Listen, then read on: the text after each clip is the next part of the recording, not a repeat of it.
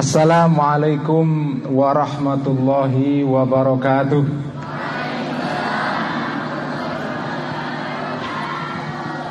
Assalamualaikum warahmatullahi wabarakatuh.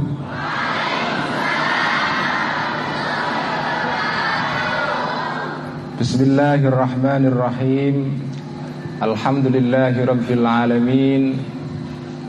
alamin Wassalatu wassalamu ala ashrafil anbiya'i wal mursalin Sayyidina wa habibina wa maulana Wa qurrati a'yunina Sayyidina Muhammadin Wa ala alihi wa ashabihi Wa man tabi'ahum bi ihsanin ila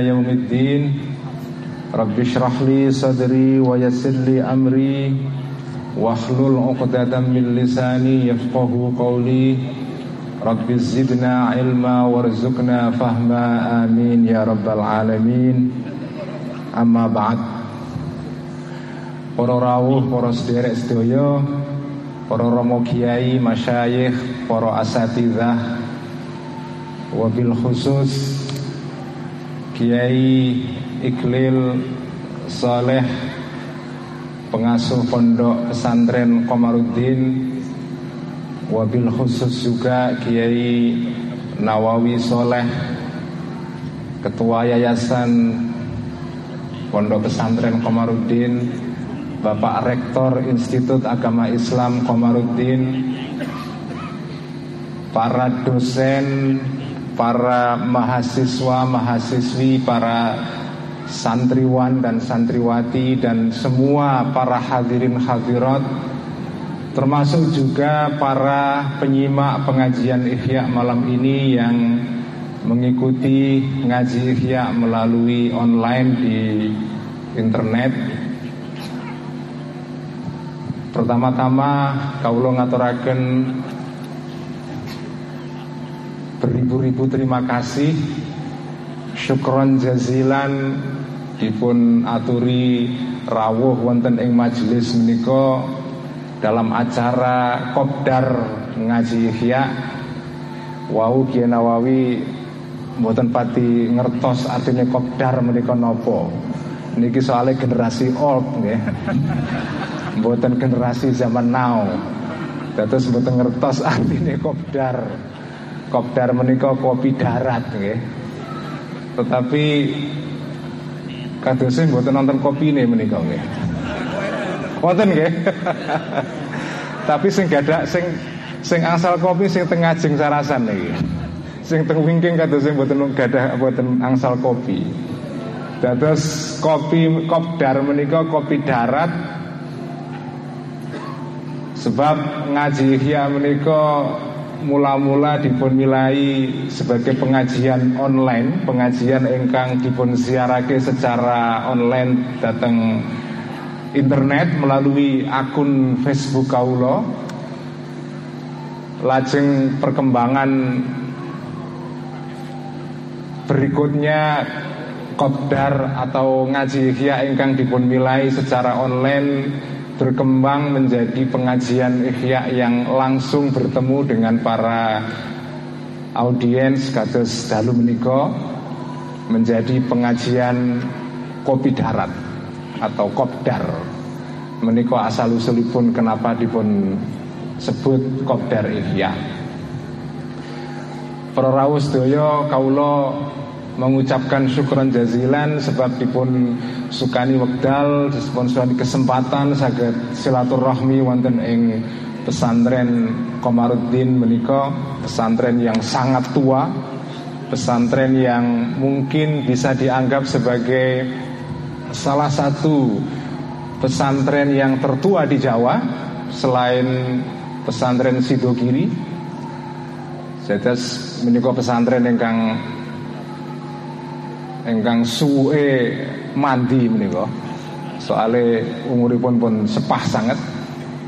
Terima kasih kaulah dipun sukani kesempatan hadir lan saged silaturahmi wonten ing majelis menika. Semoga pengajian ikhya kita pada malam hari ini bisa membawa manfaat dan pencerahan buat para yang hadir pada malam hari ini baik di sini maupun yang online. Poros derek sedaya kula badhe matur dalam bahasa Indonesia, janjane kula nggih remen-remen mawon matur ngangge basa Jawa krama nggih. Kula elek-elek ngeten nggih tiyang Jawi.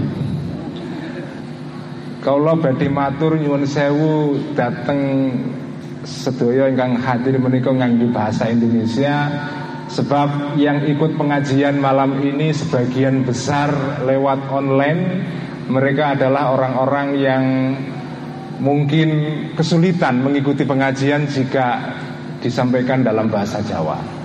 Terus kaulah nyuwun maaf pengajian Ihya pada malam hari ini diselenggarakan dalam bahasa Indonesia. Para hadirin dan hadirat semuanya kita tahu bahwa pengajian Kopdar Ihya pada malam hari ini diselenggarakan dalam rangkaian dengan kegiatan untuk memperingati Hari Santri. Hari Santri akan diperingati pada tanggal 22 ya, Tanggal 22 sesuai dengan tanggal dikeluarkannya resolusi jihad oleh Hadratus Syekh Hashim Asyari pada tanggal 22 1945 Hari santri kita peringati dengan ngaji ihya Ini saya kira suatu kegiatan yang tepat sekali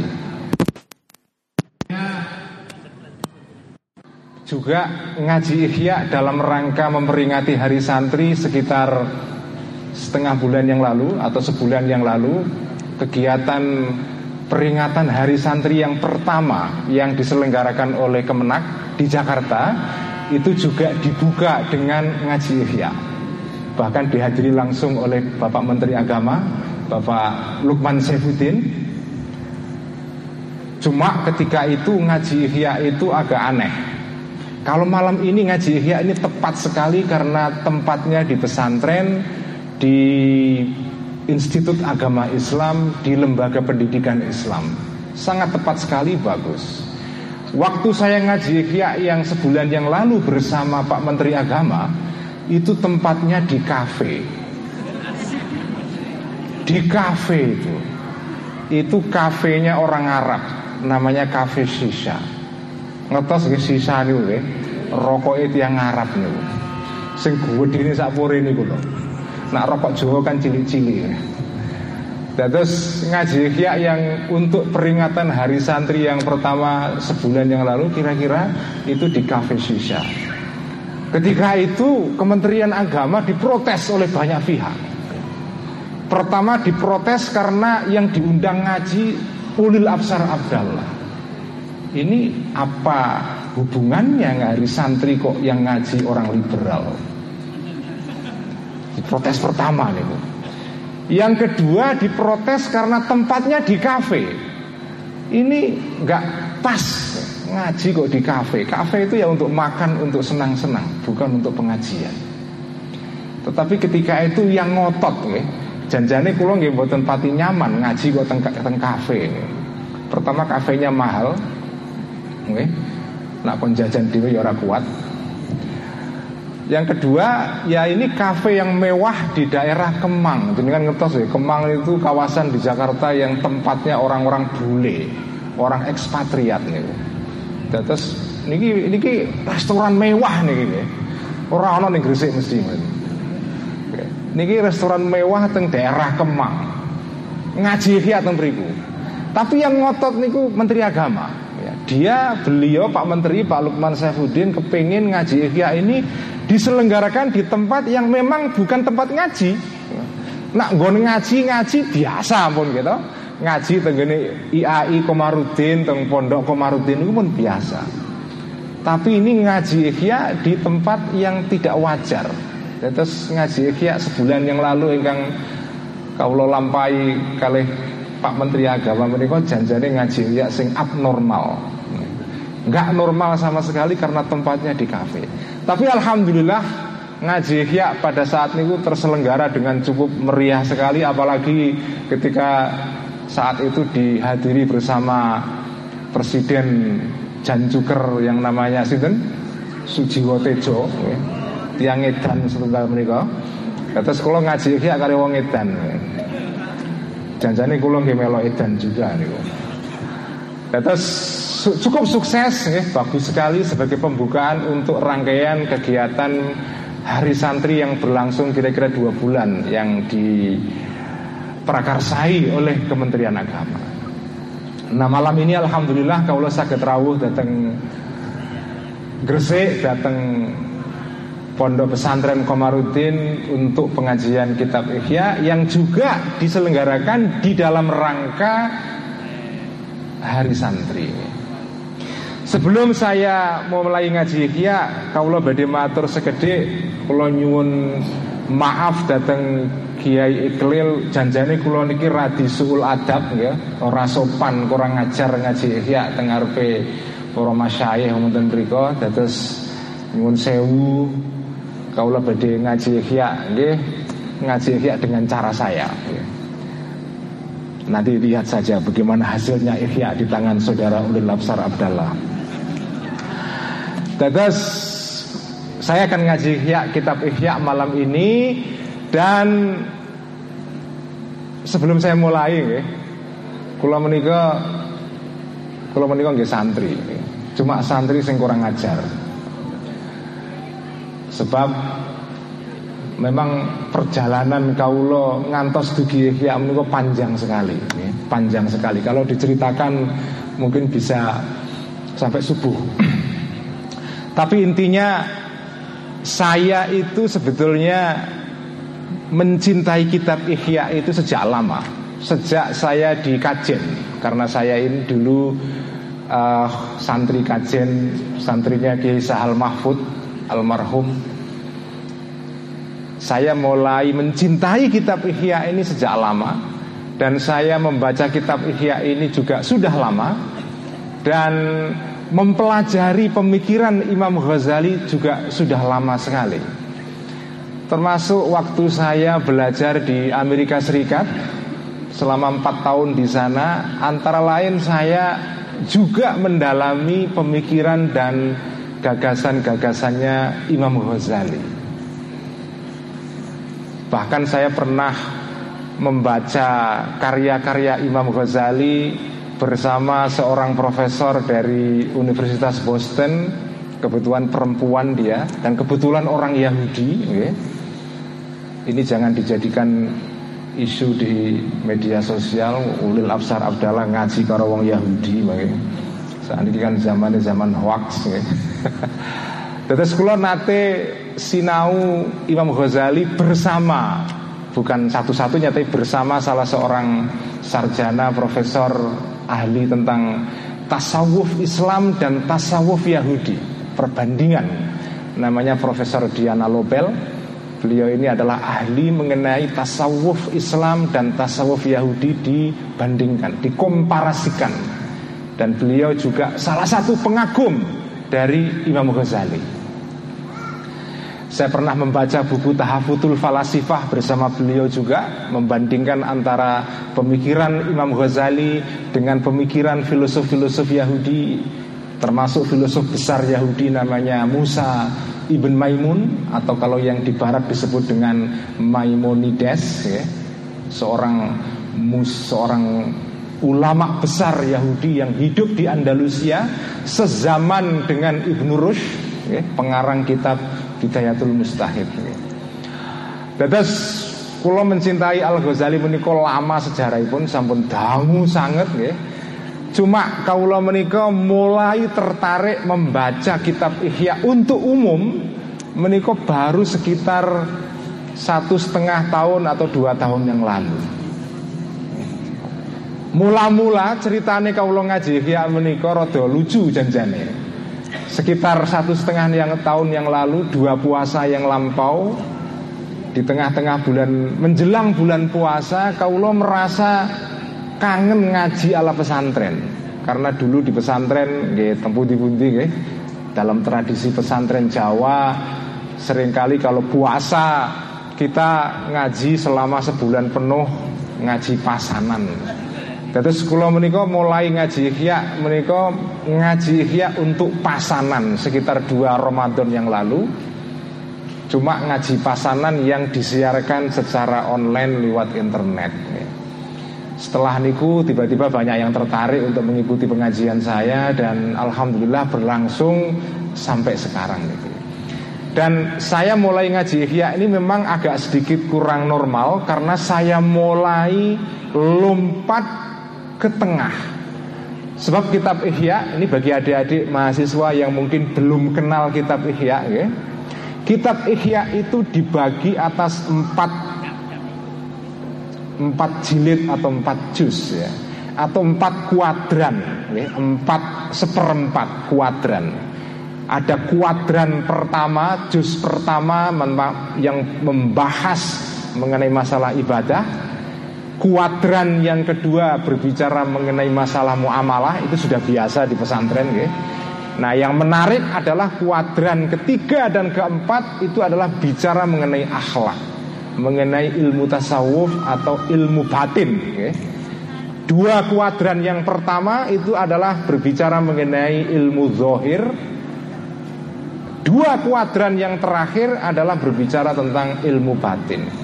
Nah saya sengaja memulai dari ilmu batin ini Karena saya membaca kitab Ihya Sebagian besar untuk audiens yang ada di kota-kota besar Terutama di Jakarta.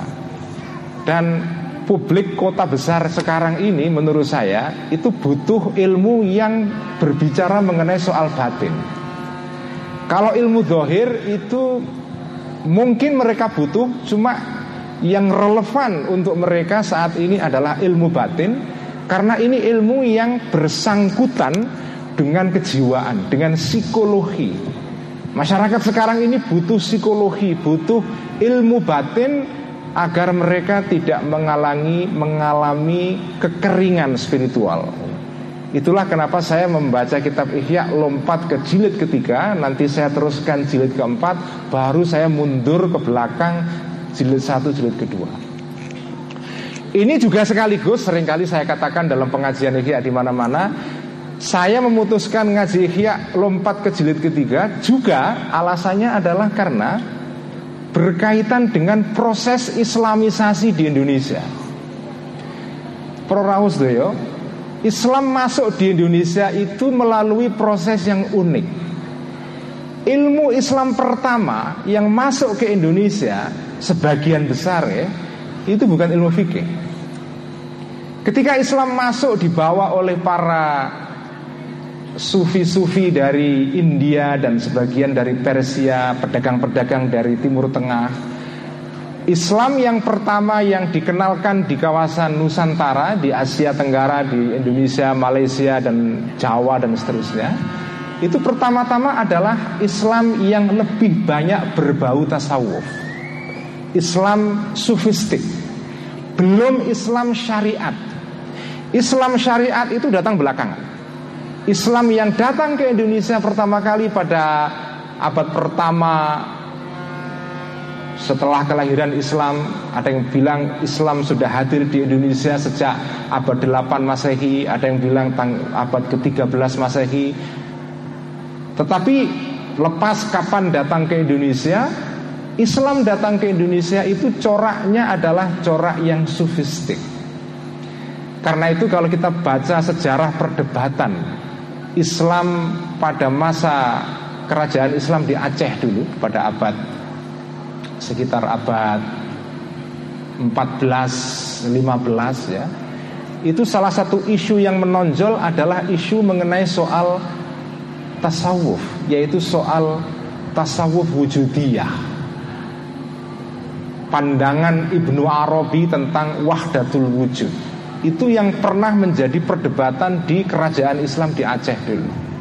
Perdebatan antara Nuruddin An-Nori Ar-Raniri, Syamsuddin As-Sumatrani, Hamzah Fansuri itu adalah isu tentang tasawuf. Dados bahtul masail pertama di Indonesia itu bukan soal fikih Bahtul masail pertama di Indonesia itu masalah tasawuf Karena pada saat itu Islam yang datang ke Indonesia lebih banyak dipengaruhi oleh corak Islam yang sofistik. Islam yang bersifat fikih syariah itu datang agak belakangan. Setelah tasawuf ini berkembang, maka kemudian muncul Islam yang bersifat fikih, bersifat ilmu zohir. Terutama Islam yang bersifat fikih ini makin berkembang di kawasan Nusantara, terutama di Jawa, okay? berkat mudahnya komunikasi antara Indonesia dengan Haramain, terutama dengan Mekah. Ter terutama setelah dibukanya terusan Suez pada abad 19. Okay. Niku mulai banyak orang Indonesia yang belajar di tanah Haramain. Karena itu periode ya, ulama-ulama Indonesia yang paling banyak belajar di Haromen itu memang mulai dari awal abad 19, 1800-an. Kiai Mahfud Termas, Kiai Nawawi Banten, uh, dan yang lain-lain Kiai Abdul Somad Al Falimbami, Kiai Arsyad Al Banjari itu mulai mereka datang ke Mekah belajar di sana dan kemudian pulang menyebarkan ilmu di Indonesia sebagian besar ilmu fikih tapi juga ilmu tasawuf itu pada abad-abad itu. Termasuk Kiai Soleh Darat yang menerjemahkan kitab Ihya pertama kali dalam bahasa Jawa. Ini Kiai Soleh Darat Semarang. Itu adalah murid-murid dari para ulama-ulama yang belajar di tanah Haramain pada periode abad 19 itu. Berkat mudahnya komunikasi antara tanah Haramain dengan Indonesia karena ditemukannya kapal mesin uap, kemudian juga dibukanya terusan Suez sehingga dulunya orang Indonesia datang ke Haramain itu susah sekali, butuh waktu berbulan-bulan.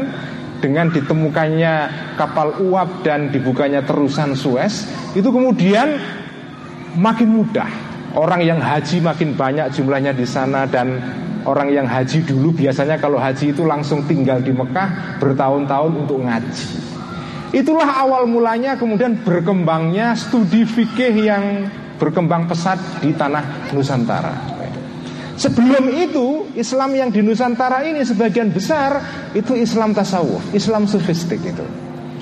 Karena itu Bapak Ibu sekalian para saudara, Imam Ghazali menikah dikenal di Nusantara itu jauh lebih awal daripada ulama-ulama Islam yang lain.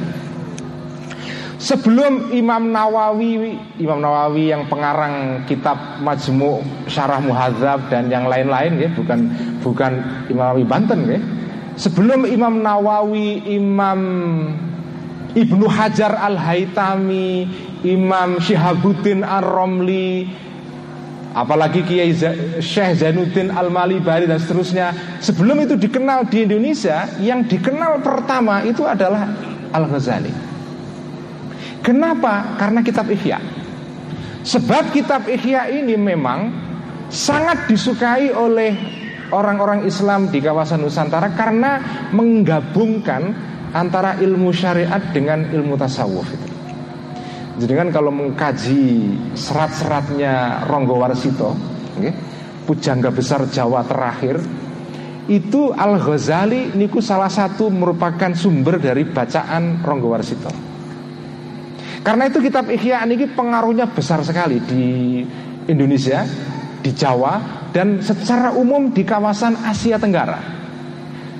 Ini besar sekali karena kitab Ihya. Kitab Imam Ghazali yang lain tidak dibaca. Jarang dibaca, tapi kitab Ihya itu dibaca. Kenapa? Karena kesuksesan Al-Ghazali di dalam mensintesiskan, menggabungkan antara ilmu zohir dengan ilmu batin, ilmu syariat dengan ilmu hakikat. Ini salah satu peran besar Al-Ghazali di kawasan Nusantara. Karena itu mungkin saya berani bilang kalau ada disebut dengan Islam Nusantara sekarang nih, ini kan lagi rame ini di mana-mana perdebatan soal Islam Nusantara.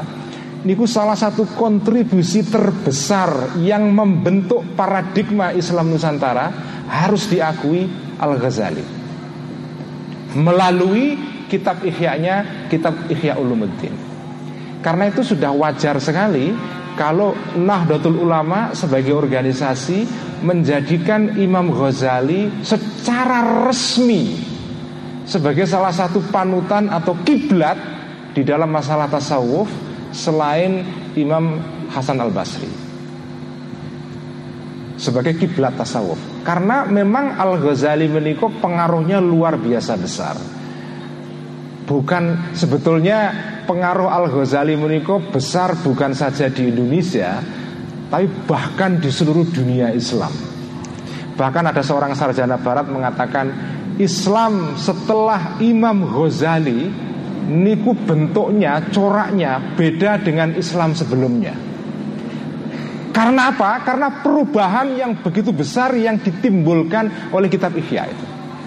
Jadi laulal Ghazali, okay, kalau tidak ada Al Ghazali, mungkin corak Islam yang akan berkembang setelah setelah periode beliau mungkin akan beda, agak sedikit beda.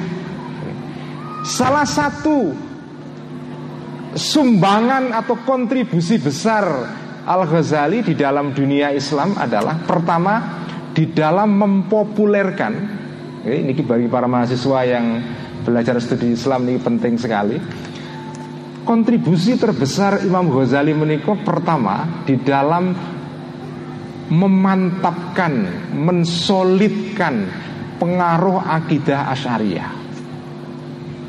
Akidah Asyariah itu sudah ada sebelum Al Ghazali karena akidah Al Asyariah didirikan oleh Abdul Hasan Al Asyari pada abad 9 atau 8 Masehi Al Ghazali hidup pada abad 10 Masehi jadi dua abad atau sekitar satu setengah abad sebelum Al Ghazali tetapi akidah Asyariah itu menjadi akidah yang mapan di dunia Islam itu antara lain karena kontribusi dua orang.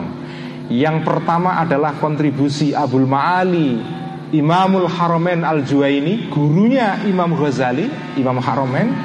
Yang kedua adalah berkat Imam Ghazali Dua orang ini membuat akidah Ash'ariyah itu menjadi mapan, menjadi populer di dunia Islam Karena kitab-kitab dua orang ini dikaji dengan begitu luar biasa intensif, luas sekali, begitu populer di dunia Islam, termasuk kitab Ihya ini. Nah, kitab Ihya ini di sini ada ada fikih, ada akidah, ada tasawuf, dan ada juga ini yang agak sedikit mungkin banyak orang tidak sadar, ada juga falsafah sebetulnya. Banyak orang mengatakan Al Ghazali itu membunuh filsafat. Saya termasuk orang yang tidak setuju dengan itu. Al Ghazali menikah memang mengkritik filsafat tapi tidak semua jenis filsafat itu dikritik oleh Al-Ghazali. Kalau kita baca kitab Ihya secara teliti dan mendalam di dalam kitab Ihya ini ada juga falsafah. Ada pengaruh-pengaruh filsafat yang kuat terutama filsafatnya Ibnu Sina di dalam masalah tazkiyatun nafas karena kitab Ihya menikah paling utama temanya memang mengenai tazkiyatun nafas atau membersihkan hati atau ilmu akhlak, ilmu tasawuf. Pengaruh Ibnu Sina sangat besar sekali Karena Al-Ghazali menikah salah satu Meskipun beliau mengkritik Ibnu Sina dengan keras sekali dalam kitab Tahafutul Falasifah Tetapi sebelumnya sebetulnya beliau itu juga banyak dipengaruhi oleh Ibnu Sina ada seorang ulama besar madhab maliki namanya Ibnul Asawuf yang sangat terkenal dengan teorinya mengenai tasawuf wujudiyah. Tapi Ibnul Arabi adalah ahli fikih. Ibnul Arabi itu pernah bertemu dengan Imam Ghazali, pernah menjadi murid sebentar, dan beliau pernah mengatakan begini: pengaruh falsafah atau kalau dalam bahasa Arabnya ini kok bala al falsafah, okay? uh, Al Ghazali itu kata Ibnul Arabi Niki kata istilahnya sangat menarik sekali. Al Ghazali bala al falsafah. Al Ghazali menikung nguntal filsafat. Balaan niku nak cara cara makna pesantren niku nguntal. Nguntal niku napa? Nguntal niku nggih mangan ning sekaligus ora di ora dikunyah. Ini nguntal. Nguntal pil. Nah, niku nguntal niku. Al Ghazali itu nguntal filsafat dan berusaha untuk lafadzul falsafah untuk ngelepeh napa ngelepeh nih gue memuntahkan falsafat jadi Al Ghazali muntal filsafat dan berusaha ngelepeh filsafat ning ora iso. Al Ghazali bala al falsafah wa arada an yalfadhaha dan nggak bisa. Kenapa? Karena memang pengaruh falsafah dalam Al Ghazali itu besar sekali terutama dalam kitab Ihya Aniki kelihatan sekali pembahasan beliau mengenai akhlak. Malam ini akan saya baca teks beliau mengenai akhlak. Itu besar sekali pengaruh dari Ibnu Sina. Kalau jenengan pernah membaca kitab Ibnu Sina kitab Syifa terutama dalam kitab terutama dalam pembahasan mengenai kitabun nafas kitab mengenai jiwa okay, ini pengaruh Ibnu Sina besar sekali dalam kitab dalam kitab Ihya menikah oleh karena itu kalau ada orang mengatakan dunia Islam setelah Al-Ghazali itu tidak mengenal falsafah karena falsafah dibunuh Al-Ghazali itu menurut saya observasi yang agak sedikit gegabah. Sampai ada orang yang mengatakan Al-Ghazali itu orang yang bertanggung jawab atas kemunduran dunia Islam. Menurut saya kalau bahasa anak Jakarta sekarang agak lebay itu itu observasi seperti itu agak lebay Pertama, ya tidak tidak mungkin kemunduran sebuah dunia hanya dikarenakan satu orang saja. Ini pun nggak masuk akal. Yang kedua, Al Ghazali disebut membunuh falsafah itu juga tidak benar. Karena kitab Ihya sendiri banyak sekali mengandung unsur-unsur falsafah yang masih bertahan. Tidak semua falsafah diterima Al-Ghazali Tapi juga tidak semua falsafah dibuang oleh Al-Ghazali ini ini ini perlu saya katakan karena kita sebagai orang pesantren Nahdlatul Ulama pecinta Al Ghazali tentu kita tidak terima kalau dikatakan bahwa Al Ghazali ini adalah bertanggung jawab atas kemunduran dunia Islam ya. Ini ini kan seolah mau mengatakan NU bertanggung jawab atas kemunduran dunia Islam juga ini. Karena NU menjadikan Al Ghazali sebagai kiblat kiblat Nahdlatul Ulama dalam bidang tasawuf. Karena itu nggak benar sekali. Saya saya terus terang tidak terima, ya. tidak terima kalau dikatakan Al Ghazali Muniko menjadi sumber kemunduran dunia Islam. Ya. Nah, setelah pengantar yang agak sedikit membosankan niki, ya, mari kita membaca kitab Ihya ala pesantren. Saya akan baca kitab Ihya dengan metode pesantren inggih menika maca Ihya kata per kata Cuma saya menggunakan makna bahasa Indonesia supaya difahami oleh yang ikut pengajian Ihya di uh, di tempat-tempat lain melalui internet. Semoga sampun angsal sedaya nggih, teksipun nggih. Sampun nggih. Monggo kaula aturi ngaos Ihya dalu menika dengan cara pesantren. Uh, malam ini saya akan membaca kitab Ihya pada halaman 939 okay? Halaman kopian yang pertama 939 pada para pada bagian di tengah yaitu uh, pada pada wah ini ini paragrafnya delocor dari siji nih agak angel dihitung nih uh, inggih menika um, Wa kadzalikal matlubu fi syahwati ta'ami. Menika sakwusipun ayat wala taj'al yadaka maghlulatan ila unukika wala tabsudha kullal basti. Wonten tengah-tengah. Nggih sampun kepanggih nggih. Teng-tengah-tengah nggih. Nah, saya akan baca di, di dari tengah-tengah karena kenapa dari tengah-tengah? Karena kalau ngaji ihya niki tiap minggu. Terus kalau niki ngaji ihya berurutan terus tekan gresik nggih pas dugi mriki dadi nggih mboten kula terus tekan gresik terus jarak maca mriki mboten kula ngaji kiai niki tiap minggu nggih diwaos kata per kata sak sak sak majelis kadang-kadang untuk sak halaman kadang setengah halaman kadang-kadang nak kata le gedobos nggih mau sak dua tiga kalimat tok nggih. Terus kalau maos niki setiap minggu kalau ngaji kia setiap minggu sekali nah sampai gresik niku ndelala kok sampai dugi mriki. Nggih. Terus niku wa kadzalikal matlubu fi syahwatit ta'ami. Terus kalau kasih kata pengantar sebentar Bagian ingkang kawula waos dalu menika menika magepokan berkenaan dengan masalah akhlak. Singkatnya ngeten. Teori akhlak menurut Imam Ghazali adalah yang disebut dengan akhlak itu ini bagi adik-adik mahasiswa mungkin sesuatu yang baru ya. Yang disebut dengan akhlak itu apa?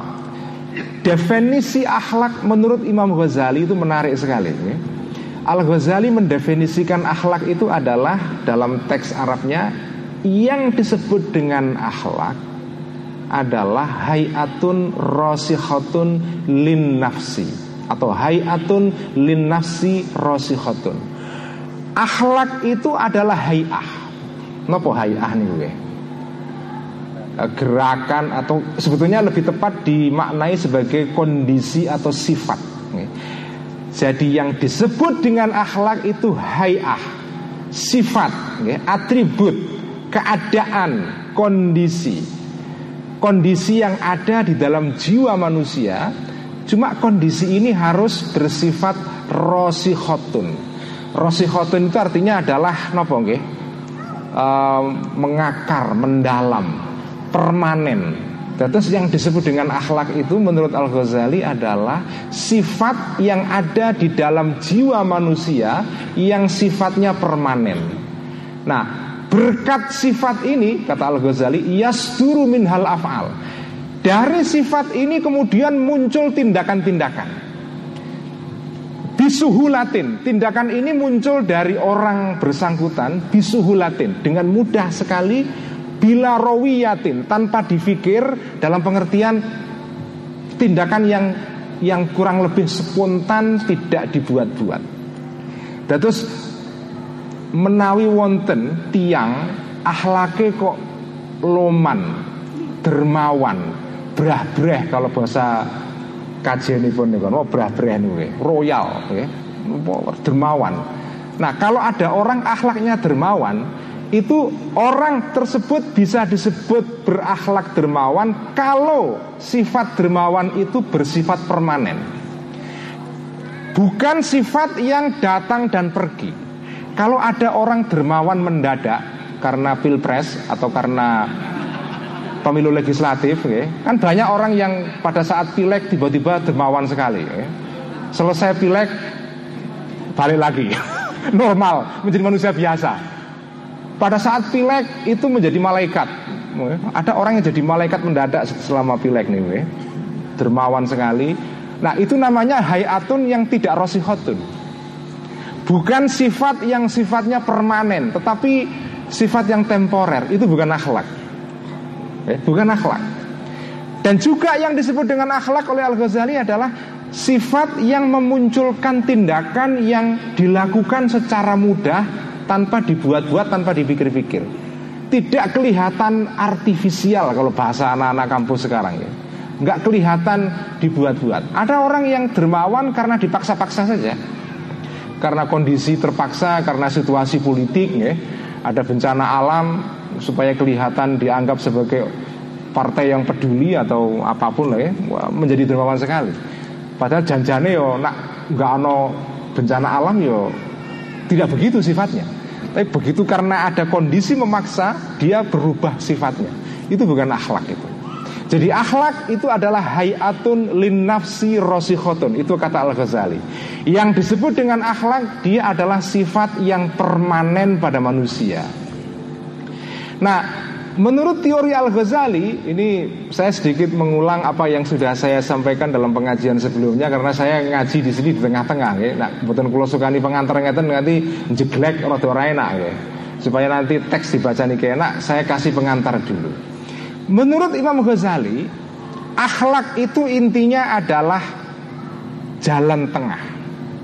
Terus menurut Al-Ghazali, di dalam jiwa manusia itu ada dua daya, ada dua kekuatan yang itu ada pada semua manusia.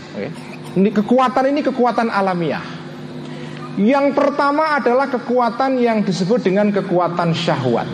Syahwat itu artinya adalah kesenangan. desire, kesenangan, keinginan. Ya. Yang oleh Al Ghazali itu diserupakan dengan binatang namanya anjing. Sorry, uh, apa? Uh, al khinzir. Apa al khinzir ini? Celeng. Ya. Ciling kalau cara wong napa? Ciling. Tulisannya ciling, macamnya celeng. Ya. Di dalam semua manusia itu ada daya yaitu daya syahwat yang oleh Al Ghazali diserupakan dengan celeng, ya, dengan al khinzir. Karena celeng ini salah satu wataknya memang suka makan, suka mengkonsumsi makanan. Ya. Itulah syahwat. Yang kedua adalah ghodop, yaitu sifat marah. Yang oleh Al Ghazali diserupakan dengan al kalbu, yaitu asu atau kire atau anjing.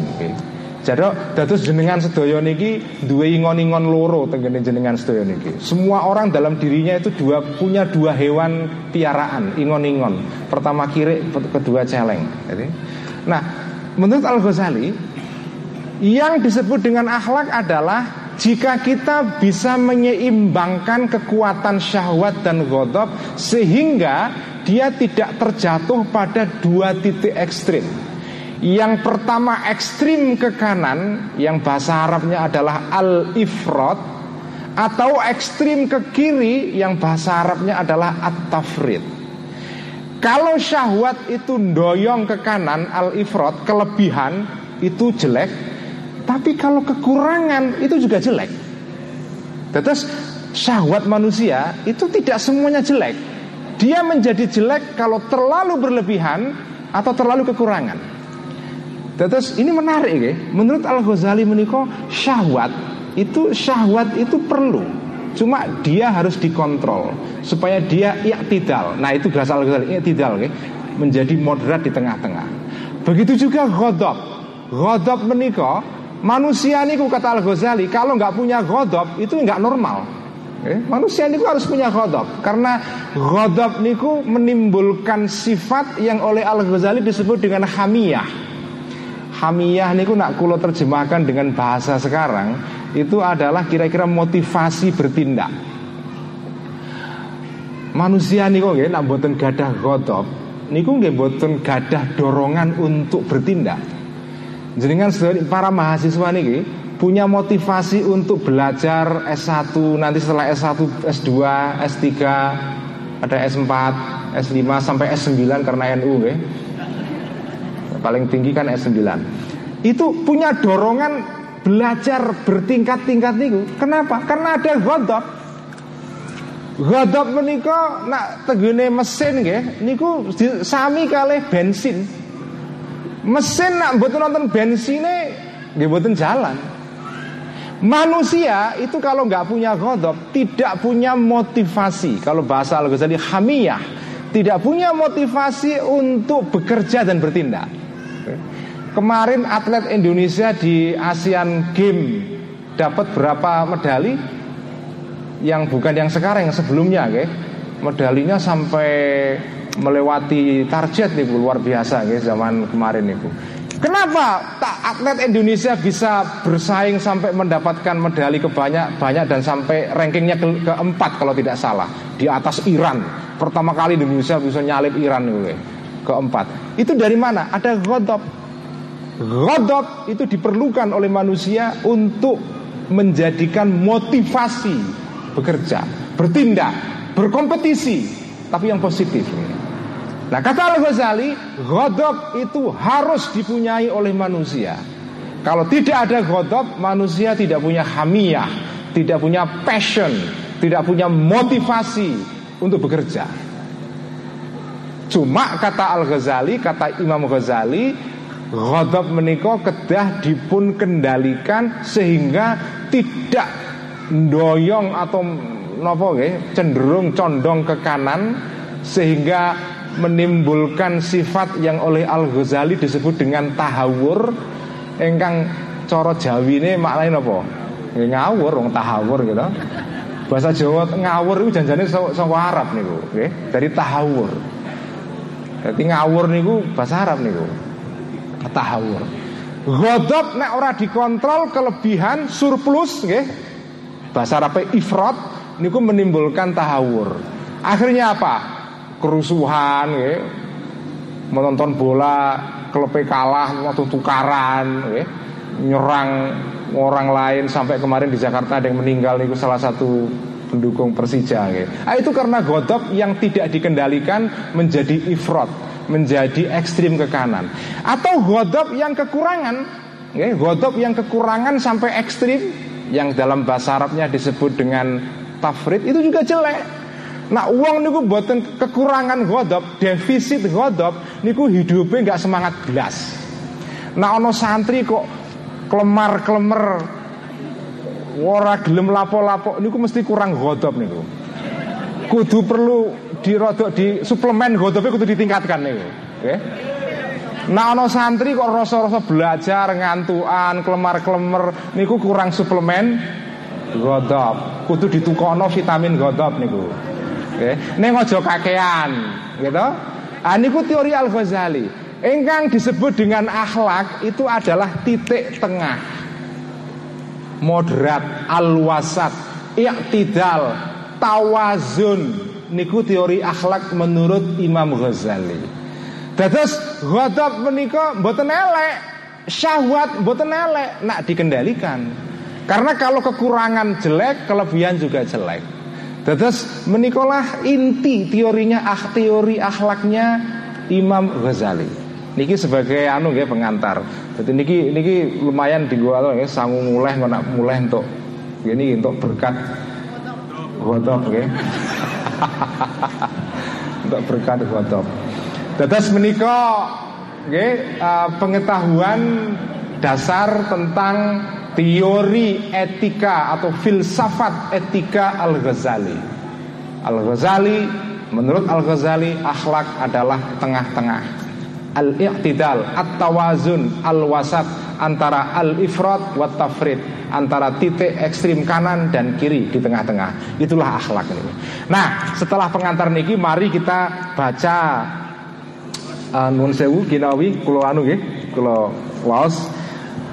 Kita baca kitab Ihya tapi sebelum niku monggo kaula aturi hadiah Fatihah harian nggih Kang Imam Ghazali Semoga kita mendapatkan manfaat dan faedah dari pengajian kitab menikah.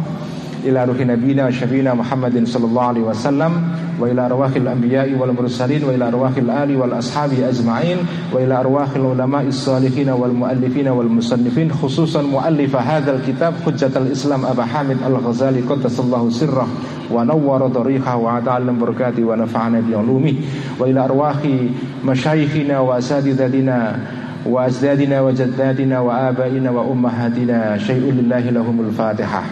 أعوذ بالله من الشيطان الرجيم. بسم الله الرحمن الرحيم. الحمد لله رب العالمين. الرحمن الرحيم. مالك يوم الدين. إياك نعبد وإياك نستعين. اهدنا الصراط المستقيم. صراط الذين أنعمت عليهم غير المغضوب عليهم ولا الضالين. آمين. بسم الله الرحمن الرحيم. قال المؤلف رحمه الله تعالى ونفعنا به بالمدبر. آمين. وكذلك المطلوب. وكذلك Dan begitu juga sebagaimana sebelumnya yaitu bahwa yang dituju dari ghadab itu adalah sifat tengah-tengah itu. Wa kadzalika begitu juga al matlubu tujuan akhir goal nggih fi syahwati ta'ami di dalam syahwat di dalam keinginan untuk makan niku syahwatut ta'am. Maksud akhirnya apa? Ini teori akhlak al-Ghazali nggih Tujuan akhirnya adalah al-i'tidalu.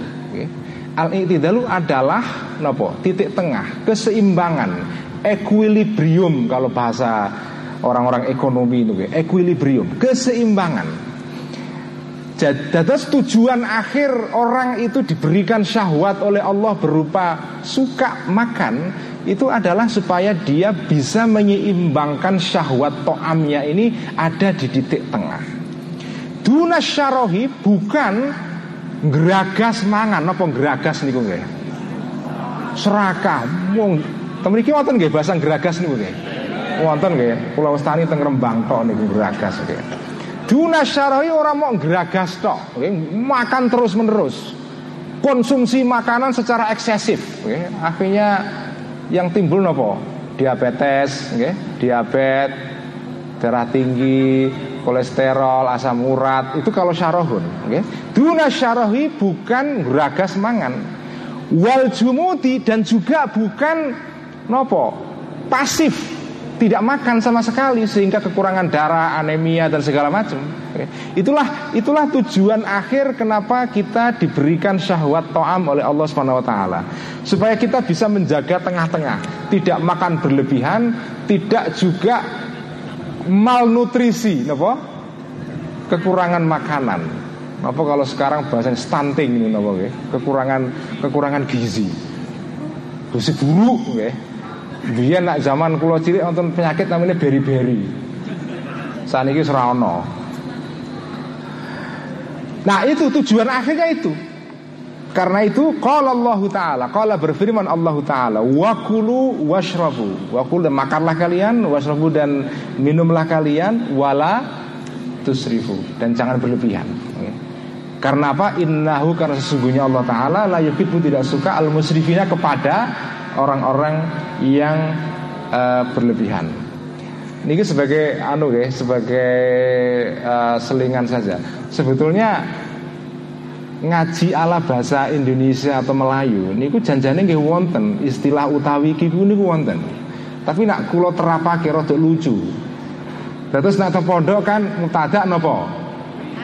Utawi khobar iku fa'il sapa maf'ul ing. Nah niku nak ngaji cara wong Betawi nggih Jakarta mriku atau cara Melayu teng Malaysia teng Brian tenggune daerah kawasan Melayu di Sumatera itu juga nah jenengan maos kitabipun Kiai Syekh Arsyad Al Banjari ingkang nulis kitab fikih judulnya Sabilul Muhtadin.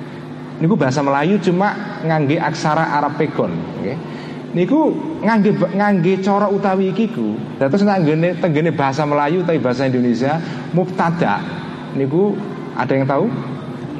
Bermula jadi Zaidun Koimun Bermula Zaid Koimun adalah berdiri. Ini agak lucu gitu. Bermula Zaid Koimun Kok, kok ada era macam gitu ya.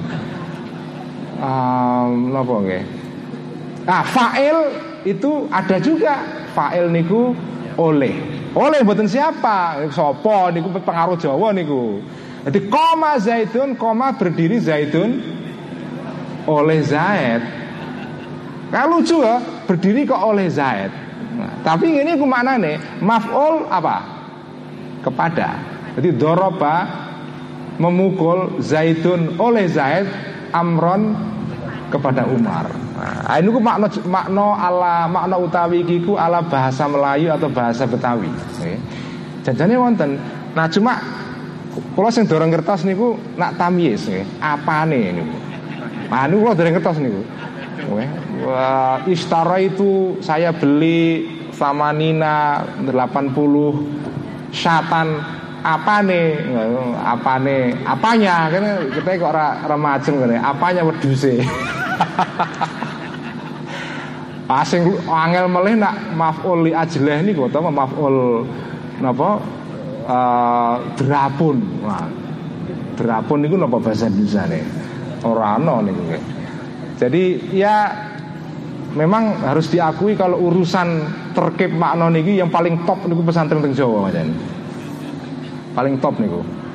Karena itu ngaji ala Jawa niki menurut saya ini adalah salah satu tradisi intelektual dalam dunia Islam Melayu yang perlu dirawat. Karena ini khas memang salah satu kekhasan Islam di Indonesia adalah ada kajian kitab klasik dengan menggunakan tarkib makna seperti ngoten niku. Niku di tempat lain nggak ada. Okay. Ada tapi tidak selengkap di dalam tradisi pesantren yang ada di Jawa nih. Okay. Dan di NU, okay. Jawa kan akeh, ya bener Jawa NU. Ya ini kita ora terus umum buatan gitu, tapi mensyukuri tahadud binikmah. Ini kita tahadud binikmah aja, bukan kok terus umum buatan gitu. Tak, saya ingin mengatakan bahwa ini tradisi intelektual yang perlu dirawat. Nah, terus inilah inilah tujuan akhir dari eh, diciptakannya syahwatut ta'am di dalam diri manusia. Waqala dan berfirman Allah Ta'ala fil ghadabi di dalam uh, masalah ghadab okay. masalah ghadab firman Allah asyidda'u alal kufari ruhama'u bainahum Niko ayat yang berkenaan dengan apa? Dengan deskripsi atau gambaran mengenai para sahabat Nabi. Ini kita surat Al-Fatih. Muhammadun Rasulullah walladzina ma'ahu asyidda'u alal kufari ruhama'u bainahum. Terus sahabat-sahabat Nabi menikah sifatnya adalah asyidda'u bersifat tegas, keras ya. Alal kufari kepada orang-orang kafir, ruhama'u bersifat lemah lembut bainahum di antara mereka. Nah, Waqala dan bersabda kanjeng Nabi Muhammad Sallallahu Alaihi Wasallam khairul umuri ausatuha ausatuha yang sering kita dengar napa ausatuha kan? Nah hadis sing ingkang dipun sebut Al Ghazali menika redaksi ini pun buatan ausatu tapi khairul umuri ausatuha jamak dari kata wasatun ausat nah ausatuha menika segotnya segot afal tafdil. Tapi kalau niki segotnya segot jamak jamak taksir ya, wasatun ausat. Ini agak beda ya. Kulo nggih lebih ngertos senjane ya. Karena yang sering saya dengar khairul umuri ausatuha. Tapi ternyata redaksinya khairul umuri ausatuha. Khairul umuri sebaik-baik perkara ausatuha adalah tengah-tengahnya. Terus jamak ya, tengah-tengahnya perkara-perkara itu. Nah, wahada dan ini semua lahu bagi ini tadi sirun maksudnya dalam hadis dan ayat ini sirun ada satu rahasia watahkikun dan apa dan uh, pembahasan yang yang rinci, yang detail, yang subtil kalau pakai bahasa sekarang ya subtil, lembut sekali. Tahkik itu lembut sekali. Di dalam ayat ini ada satu makna yang lembut yang tidak diketahui kecuali oleh orang yang memperhatikan dengan sungguh-sungguh. Itu artinya tahkikun ya. Nah, apa itu makna itu? Wahua. Nah, ini menarik ya. Ini dibun perhatikan nih. Wahua yang disebut dengan sir di sini adalah anas sa'adata. Sesungguhnya yang disebut dengan kebahagiaan, okay, kebahagiaan yang yang hakiki, yang sesungguhnya manutotun itu di, di, dihubungkan, bersangkutan, berhubungan. Okay. Bisalamatil kolbi dengan selamatnya, dengan dengan terbebasnya kalbu manusia an awaridhi hadzal alami dari pengaruh-pengaruh dunia sekarang ini maksudnya dunia dunia di mana kita hidup sekarang ini. Terus teorinya Al Ghazali yang disebut dengan keabadian yang sesungguhnya adalah terjadi manakala kalbu manusia itu tidak terlalu terikat dengan alam sekitar nih. Makin kita terikat dengan alam benda nih, maka makin kita tidak bahagia. Nah, bagi teman-teman yang pernah belajar tentang agama Hindu, ya, pasti pernah mengenal istilah yang disebut dengan samsara. Samsara itu filsafat Hindu. Samsara itu artinya adalah apa okay? uh, ya kesengsaraan dalam bahasa Indonesia kesengsaraan. Di dalam filsafat Hindu, orang itu akan mengalami kesengsaraan dan kesedihan kalau dia itu terikat dengan benda. Yang disebut dengan ke kebahagiaan adalah terjadi kalau orang itu terbebas dari ikatan dengan dunia ini. Itulah yang disebut dengan samsara. Nah, di dalam kitab Ihya ini ada ada satu ada satu keterangan yang agak mirip-mirip okay. yang disebut dengan kebahagiaan menurut Imam Ghazali adalah orang yang bisa membebaskan kalbunya dari awaridul alam dari pengaruh-pengaruh dari pengaruh-pengaruh dunia fisik atau dunia benda nih dunia yang sekarang kita hidup ini dan itu dibuktikan diberikan dalil oleh Al-Ghazali melalui ayat berikut ini qala berfirman Allah taala ilaman atallaha biqalbin salimin. Ilaman orang-orang nanti di hari akhir nanti akan mengalami apa menemukan siksaan dan segala macam ketika bertemu dengan Allah kecuali ilaman kecuali orang-orang atau yang akan mendatangi Allah kepada Allah bikolbin dengan hati salimin yang selamat dari awaridul alam tadi itu. Nah ini ini ayatnya. Ya. Nah yang menarik ayat menikah dipun tafsiri oleh Al Ghazali dengan cara berikut nih. Sebetulnya kitab Ihya menika nak dipun wow secara teliti ya. Janjane niku kathah tafsiripun Al-Ghazali terhadap beberapa ayat Quran. Karena itu kalau ada yang mau mengumpulkan tafsir Imam Ghazali terhadap ayat Quran di dalam kitab Ihya itu menarik sekali. Karena kitab Ihya ini penuh dengan beberapa tafsiran Imam Ghazali terhadap ayat Quran yang kita tidak temukan di dalam tafsir-tafsir yang yang lain. Terus Imam Ghazali menikah buatan gadah karangan tafsir piyambak, buatan kados Imam Suyuti atau Imam atau Bari atau Imam Ibnu Katsir nggih kan wonten tafsir piyambak, tafsir yang penuh. Imam Ghazali buatan nganggit kitab tafsir. Cuma Imam Ghazali membuat tafsir terhadap Al-Quran tapi dipun dipun serat tenggini kitab Ihya boten dipun serat secara penuh dalam satu tafsir yang terpisah kados kitab tafsir Jalalain ya. tapi tenggini kitab Ihya piyambak niku wonten banyak tafsir atas Al-Quran yang tersebar dalam banyak kitab Ihya menika. Nah salah satunya menika, okay? Tafsir kit ayat ilaman atau moha bin salimin itu menurut Al Ghazali tafsirnya adalah begini. Wal bukhlu, eh, ini pun. Wal bukhlu adapun sifat bukhl medit, eh, pelit itu min awari di dunia termasuk dari uh, arit atau apa barang-barang baru yang ada di dunia ini. Arid niku dari kata ar aridun artinya adalah nak cara pondok ini apa gimana nih aridun nih anyar teko gitu aridun niku barang sing anyar teko niku nggak tahu bahasa Indonesia nopo niku sesuatu yang baru datang eh nggak macem ya pengaruh-pengaruh ya pengaruh-pengaruh dunia Wal bukhlu adapun sifat medit itu min di dunia termasuk dari pengaruh-pengaruh dunia. Watabdiru sifat tabdir sebaliknya medit, okay? sebaliknya atau uh, apa kontras dari bukhlun adalah at-tabdir. Nopo? Me menghambur-hamburkan harta. Aidon juga min awari di dunia termasuk dari pengaruh-pengaruh dunia termasuk barang-barang yang terjadi di dunia itu maksudnya awar di dunia. Jadi medit ini nggak termasuk peristiwa duniawi, menghambur-hamburkan harta sebaliknya itu juga termasuk barang yang terjadi di dunia ini. Nah, wasyartul qalbi dan syaratnya hati ya yang mau bahagia adalah an yakuna ada saliman selamat bebas min huma dari dua awarid ini, dari bukhlun dan tabdir.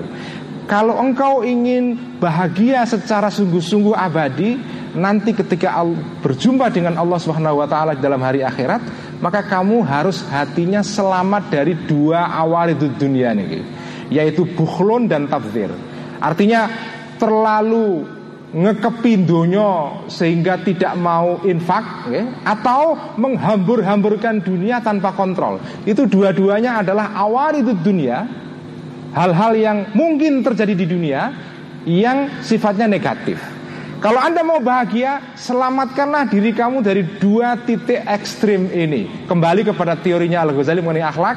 Akhlak adalah iktidal. Sifat moderat di tengah-tengah. Kalau Anda di tengah-tengah, maka Anda bahagia secara hakiki, secara sungguh-sungguh, bukan kebahagiaan yang sifatnya semu. Itulah uh, makna dari ayat ilaman atallaha biqalbin salim. Ini kalau kita cek tafsir Jalalain atau tafsir Ibnu Kasir, makna ini nggak ada. Pengertian ayat seperti ini, ayat ilaman atau Allah bin salim seperti ini, itu hanya kita jumpai di Ikhya. Ini sekaligus menegaskan tadi yang saya katakan, kitab Ikhya itu di dalamnya banyak tafsir.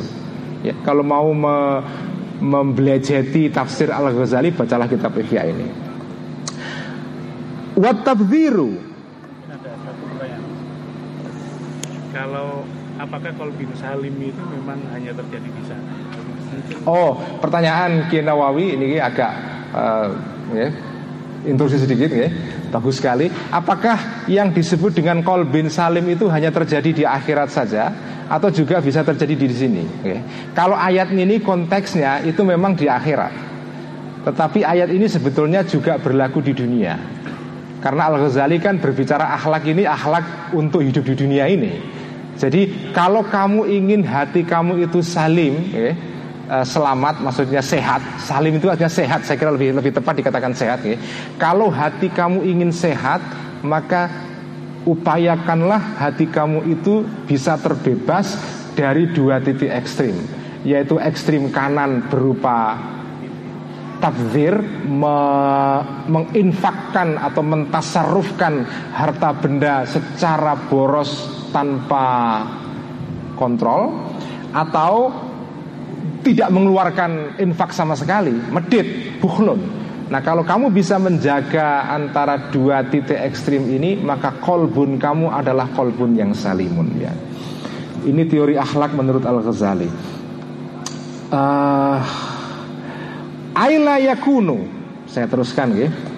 Ini jam 9 seperempat. Masih insya Allah. Masih kuat ya? Oke Aduh-aduh ke Jakarta Masuk ngaji di Loto ya Sampai jam berapa? Nak subuh kula sing mboten kuat. kula sing gempor mangke. Dados uh, an yakuna saliman min huma, an yakuna saliman min huma. Maksudnya saliman min huma ay la yakunu. Tegese ya, maksudnya tegese la yakunu tidak ada tadi kolbunya manusia tadi itu multafitan mengok apa menoleh okay, cenderung condong okay, ilal mali kepada harta benda condong kepada harta okay. walayakunu dan tidak ada kalbu tadi itu harison uh, nopo okay, lobo semangat nopo okay, uh, rakus okay, ala infakihi untuk menginfakkan harta tadi itu okay, terlalu boros wala ala insaki dan juga tidak rakus untuk memegang ngekepi nggih napa nyekel bondo nak niku wau nggih. Terus yang disebut dengan saliman min huma artinya adalah tidak cenderung untuk boros sama sekali apa uh, harison ala infakihi atau harison ala imsakihi atau terlalu ingin memegang um, mengekepi harta benda sehingga dia tidak mau menginfakkan harta benda itu. Fa'inal hariso, ini belum selesai nih tafsirnya nih, okay, masih panjang nih. Fa'inal hariso, karena sesungguhnya orang yang loba, yang semangat, yang rakus, okay, yang terlalu ingin melakukan sesuatu dengan rakus sekali, okay, fa'inal hariso, karena sesungguhnya orang yang rakus, alal infaki untuk mengeluarkan harta secara boros itu disebut masruful masruful qalbi orang yang hatinya diarahkan dicondongkan ilal infaki menuju kepada infak. Ini pembahasan Al Ghazali agak sedikit rumit memang kama annal hariso sesung, sebagaimana sesungguhnya orang yang rakus alal imsaki untuk memegang harta medit maksudnya itu juga masruful kolbi di, di diarahkan hatinya, hatinya ilal imsaki menuju kepada memegang harta. Orang yang boros itu juga maknanya hatinya terus menerus kepingin membelanjakan hartanya tanpa kontrol. Ya. Orang yang suka belanja terus menerus tanpa kontrol ini kan hatinya akan ke sana terus. Ya tiap hari ngecek apa Facebook mau cari barang-barang baru tas, eh, kaos, sepatu, handphone. Eh, sekarang niku belanja niku mudah banget sekarang ada namanya apa?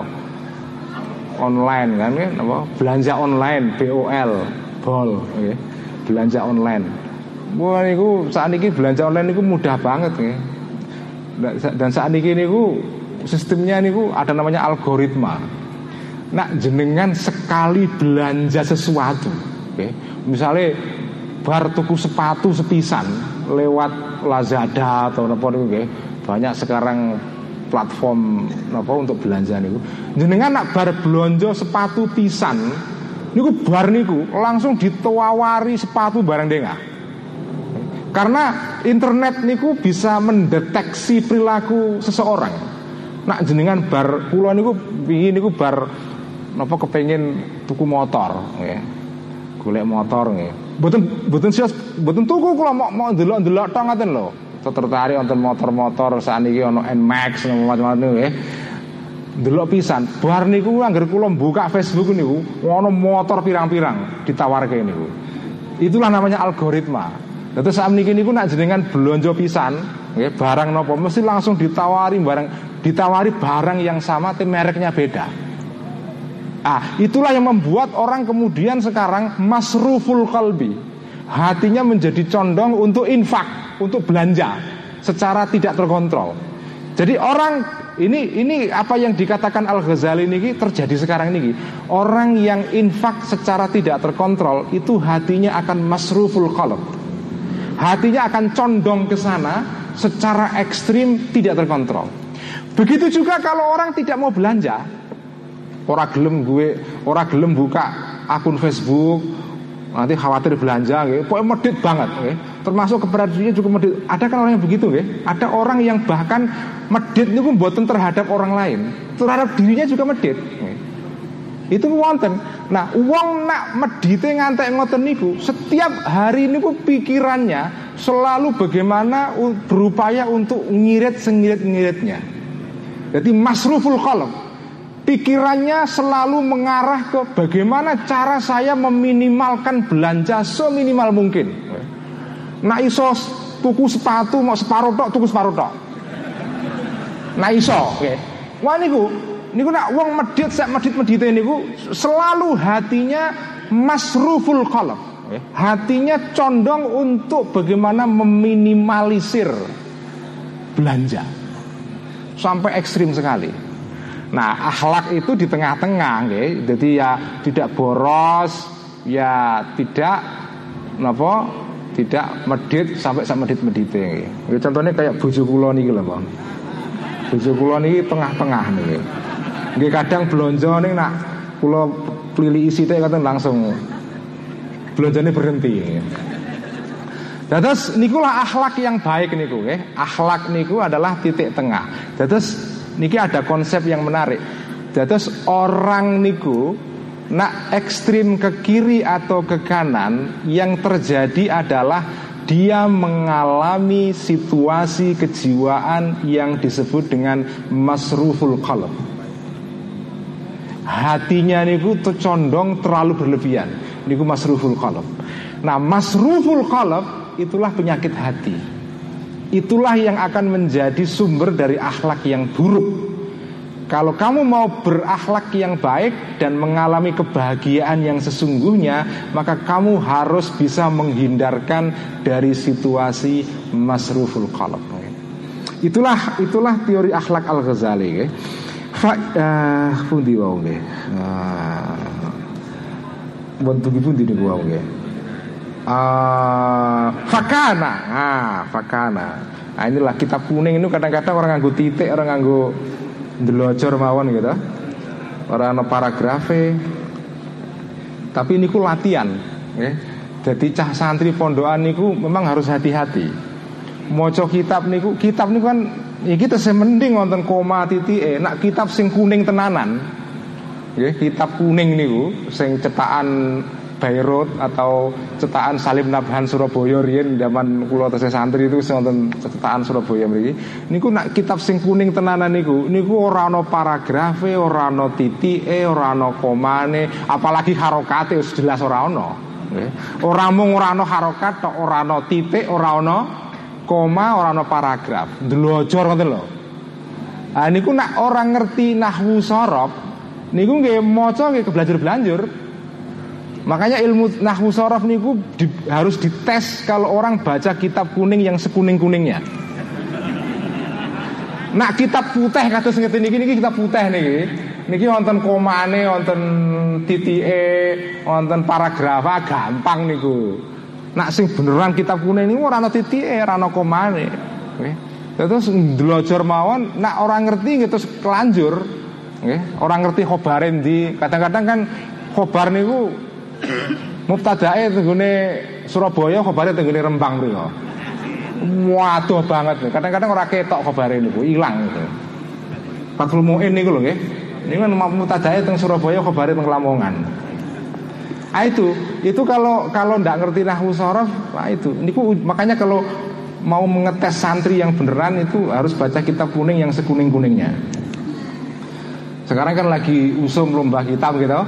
Ah niku nak cara kula ngetesi kitab yang beneran harus kitab yang tidak ada titik nggak ada koma. Nah itu baru beneran santri niku. Nah kitab sing titik komane niku uh, cemen niku lagi. niku rak kitab saat ini niku. Dadas kama fakana maka adalah kamalul qalbi sempurnanya kalbu hati manusia adalah aniyasfua ya adalah jika ya ayasfua bersih ya kalbu tadi itu anil wasfa ini dari dua sifat tadi itu sifat bukhlon dan tabzirun jami'an secara keseluruhan jadi hati yang bersih, yang sehat adalah hati yang bersih dari dua-duanya, dari tabzir dan dari uh, dari uh, bukhlon itu. Wa lam yakun. Nah, ini yang agak sedikit agak sedikit rumit nih. Wa lam yakun dan jika tidak terjadi. Ya, ini kananya kana tam bukan kana nakisoh yang punya khobar. Wa idza lam yakun dan jika tidak ada tidak mungkin terjadi zalika keadaan tadi itu selamat dari dua-duanya. Ini kana yang tidak ada khobarnya maka disebut dengan kana tamah bukan kana nakisoh ya. ini nak cara guru nalika teng pondok kana niku niku ada dua jenis ada kana nakisoh wonten kana tama. Bedanya apa? Karena nakisoh niku, niku kana yang punya isim punya khobar. Jadi kana zaitun kok iman, zaid berdiri. Itu nakisoh, dia punya isim punya khobar, lengkap. Tapi justru kal, niku namanya kana yang kurang. Tapi ada kana niku tam, kana yang sempurna, yaitu jika kana itu hanya punya isim saja. Jadi misalnya kana zaitun. Tok boten kok iman. Zaid ada. Itu namanya kana tam. Loh kenapa kana yang punya isim punya khobar lengkap kok disebut dengan nakisah malah kana yang punya isim tok okay, malah disebut sempurna. Itu menunjukkan bahwa orang itu kalau makin punya niki menurut guru kula itu maknanya hikmahnya adalah karena orang niku nak makin banyak punya barang, maka justru makin kurang dia. Iki pulau yang mikir iki janjane dicocok-cocoke karang-karang dewe nopo tapi menurut nggak masuk akal nih okay? Makin kita punya banyak sesuatu Makin kita ingin terus-menerus Makin kurang kita Kita makin namanya makin nakisah tapi nak kita cukup dengan satu dan kita merasa bisa menikmati itu, tidak tidak butuh yang lain-lain, kita sempurna, kita kaya.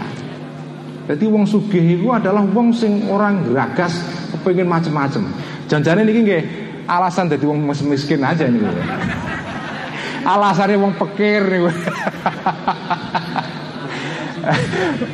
Berarti tidak si jidok niku sempurna ya. Bojo kula setunggal tok kula kana kana tam niki. Nak sing bojone loro telu niku kanan nakisah niku. Ambo sale wedi napa-napa mboten ngertos kula. Nah terus niku, jadi kanan niku ada dua jenis, ada kanan nakisah, ada kanatam. Nah niki niki kanatam niki, okay, sempurna, hanya punya isim tok, okay. Wa idzalam yakun dan jika tidak mungkin ada zalika tadi itu hati itu sempurna bisa bebas dari dua-duanya. Nggak mungkin terjadilah itu ya. Di dunia di dunia sekarang ini ya nggak mungkin terjadi. Ya kalau nggak mungkin terjadi ya tolabna. Jawabnya faida tolabna. Maka kita mencari okay, ma sesuatu huwa yang ma tadi al asbahu yang lebih menyerupai li'adamil wasfa ini terhadap tidak adanya dua sifat ini. Ya kalau nggak mungkin bebas dari dua-duanya, sempurna mungkin nggak mungkin terjadi di dunia ini. Ya kalau nggak mungkin terjadi ya mencari kondisi yang mirip-mirip lah. Kalaupun kita nggak bisa sempurna kayak malaikat ya, di dunia ini, ya mirip malaikat aja lah, ya. nggak harus malaikat total, tapi mirip malaikat. Ya. Nah, mirip itu maksudnya apa? Ya, uh, waab atu dan lebih jauh anitorofa ini dari dua sisi tadi, dua sisi ekstrim, ya, ekstrim kanan al ifrod, ekstrim kiri at tafrid. Nah, apa itu kondisi yang menyerupai eh, keadaan ini? Wahua dan ma tadi mahwal asbah tadi itu al wasatu adalah kondisi tengah-tengah. Jadi kondisi tengah-tengah niku niku nggak usaha maksimal yang bisa dilakukan manusia untuk mendekati keadaan ideal tadi itu. Ideal untuk tidak tadi itu yang selamat dari dua titik ekstrim ini. Nah, mencapai kondisi ideal total nggak bisa Ya paling jauh yang bisa kita lakukan ya mirip dengan itu Nah itulah namanya al-wasat Nah ini kembali menegaskan teori akhlak menurut Al-Ghazali adalah titik tengah itu. Fa'inal fatiro Karena sesungguhnya orang yang kendor Maksudnya tidak terlalu semangat ke kanan atau ke kiri ya, La harun tidak merupakan orang yang panas Maksudnya semangat semangat belanja berlebihan ya wala baridun dan bukan orang yang dingin maksudnya medit ya dingin seperti orang yang dingin tidak mau bergerak tidak mau berinfak membelanjakan hartanya sama sekali. Jadi orang yang di tengah-tengah sifatnya itu itu adalah disebut dengan al-fatir orang yang kendor. Maksudnya kendor itu adalah orang yang tidak terlalu semangat membelanjakan hartanya sampai berlebihan ataupun terlalu dingin sehingga dia tidak e, membelanjakan sama sekali. Bal huwa sebaliknya huwa al-fatir tadi itu wasatun dia di tengah-tengah bainahuma di antara al-har wal barid itu. Faka'annahu karena dia di tengah-tengah faka'annahu maka seolah-olah orang tadi itu al-fatir tadi kholin dia sepi bebas ya, uh, terjauhkan anil wasfa ini dari dua sifat tadi itu sifat medit ataupun sifat boros. Fakadzalika maka begitu juga as sifat saho, ya, sifat dermawan, loman. Itu adalah ada di tengah-tengah bainat tabdhiri di antara boros, wat takdiri dan medit. Nah ini keterangan yang panjang lebar ini intinya sederhana aja. Ya intinya itu tadi. Intinya akhlak itu di tengah-tengah. Nah intinya tengah-tengah itu adalah dalam hal harta adalah dermawan Yang disebut dengan dermawan adalah berada di antara titik tengah antara at-tabzir wataktir antara boros dan medit itu. Begitu juga wasyaja'atu dan sifat berani. Yang disebut dengan berani itu ada di titik tengah bainal jubni di antara nopo uh, jireh apa jireh niku uh, takut nggih wedian uh, takut wa tahawuri dan ngawur. Jadi terus yang disebut dengan sajaah keberanian itu bukan orang yang berani melakukan tindakan nekat. Yang menarik terus nekatnya itu bukan artinya berani. Ada orang yang nekat niku secara ilmu kejiwaan ke psikologi. Orang niku kadang-kadang ada yang nekat untuk menyembunyikan ketakutan. Niku wonten loh. Jadi kan niki teng mriki wonten sing main Twitter, Facebook wonten mboten nggih? Banyak nggih. Nah, nah santri-santri saya dereng, napa dereng angsal nggih. Atau durung wayahe. Nah jenengan main napa sering ber berinteraksi dengan media sosial niku ada orang-orang yang nak nulis status teng Facebook atau tenggene Twitter niku niku gualake sakpore niku gualak sakpore wes nyerang kiri kanan tapi nak jenengan ketemu karo wonge langsung niku wonge niku ora ora ngawaki ngono lho jangan diajak adep-adepan itu mboten wani eh, diparani banser langsung langsung berkencing-kencing gitu. Nah, ada orang-orang kata seperti itu. Orang-orang yang kelihatannya berani nyerang kiri kanan agresif, tapi janjane orang ini jirih. Kenapa? Karena keberaniannya itu untuk menutupi ketakutannya. Nah, ini menurut Al Ghazali itu bukan sajaah, bukan itu keberanian. Keberanian itu bukan itu. Keberanian itu adalah justru ada di titik tengah antara takut dan juga ngawur. Nak ngawur niku buatan berani namanya. Ngawur itu kadang-kadang, nah kadang-kadang ada orang ngawur niku nak ber, ada orang yang beraninya kalau bersama komplotannya. Nak piyambake bareng-bareng kalau kancane satu niku wani melakukan sesuatu. Begitu piyambakan langsung jerih. Ah, itu namanya orang-orang yang penakut niku. Jadi keberaniannya itu bukan keberanian yang sungguh-sungguh. Itu bukan syaja'ah dalam pengertian yang sesungguhnya yang dimaksudkan oleh Al-Ghazali. Terus Terus asyaja'ah ini adalah titik tengah di antara al-jubnu wa tahawur. Wal ifatu dan sifat ifah napa ifah niku sifat wirai menjauhkan diri dari barang-barang haram yang tidak terpuji ya, itu al ifah. Ifah itu juga titik tengah bainal bainas syarohi di antara sifat tadi itu geragas, rakus, wal jumudi dan pasif Nek geragas niku namanya syarahun. Nek ora doyan mangan blas niku namanya jumut. Nak tengah-tengah mangan ning ya terkontrol vitamine nopo terjaga dietnya bagus itu namanya ifah. Jadi syarahun jumudun tengah-tengahnya adalah ifah. Itulah namanya akhlak menurut Al-Ghazali. Dadas itu inti teori akhlak menurut Al-Ghazali. Wa kadzalika begitu juga sairul akhlak semua akhlak, semua akhlak pada dasarnya sama. Faki, uh, fakila torofayil kumuri maka dua-dua kedua sisi perkara okay, ekstrim kanan maupun ekstrim kiri keduanya zamimun adalah tercela okay. semua hal yang terlalu condong ke kanan atau terlalu condong ke kiri itu semuanya tercela apa pun bentuknya okay. Dan ini haza inilah huwa al matlubu yang menjadi goal atau tujuan terakhir. Wahua dan ini mungkinun itu mungkin dicapai. Terus menurut Al Ghazali akhlak niku bisa bisa dilatih, bisa dicapai. Karena dalam bagian sebelumnya Al Ghazali niku memberikan satu apa, keterangan yang menarik sekali. Ada orang-orang ya,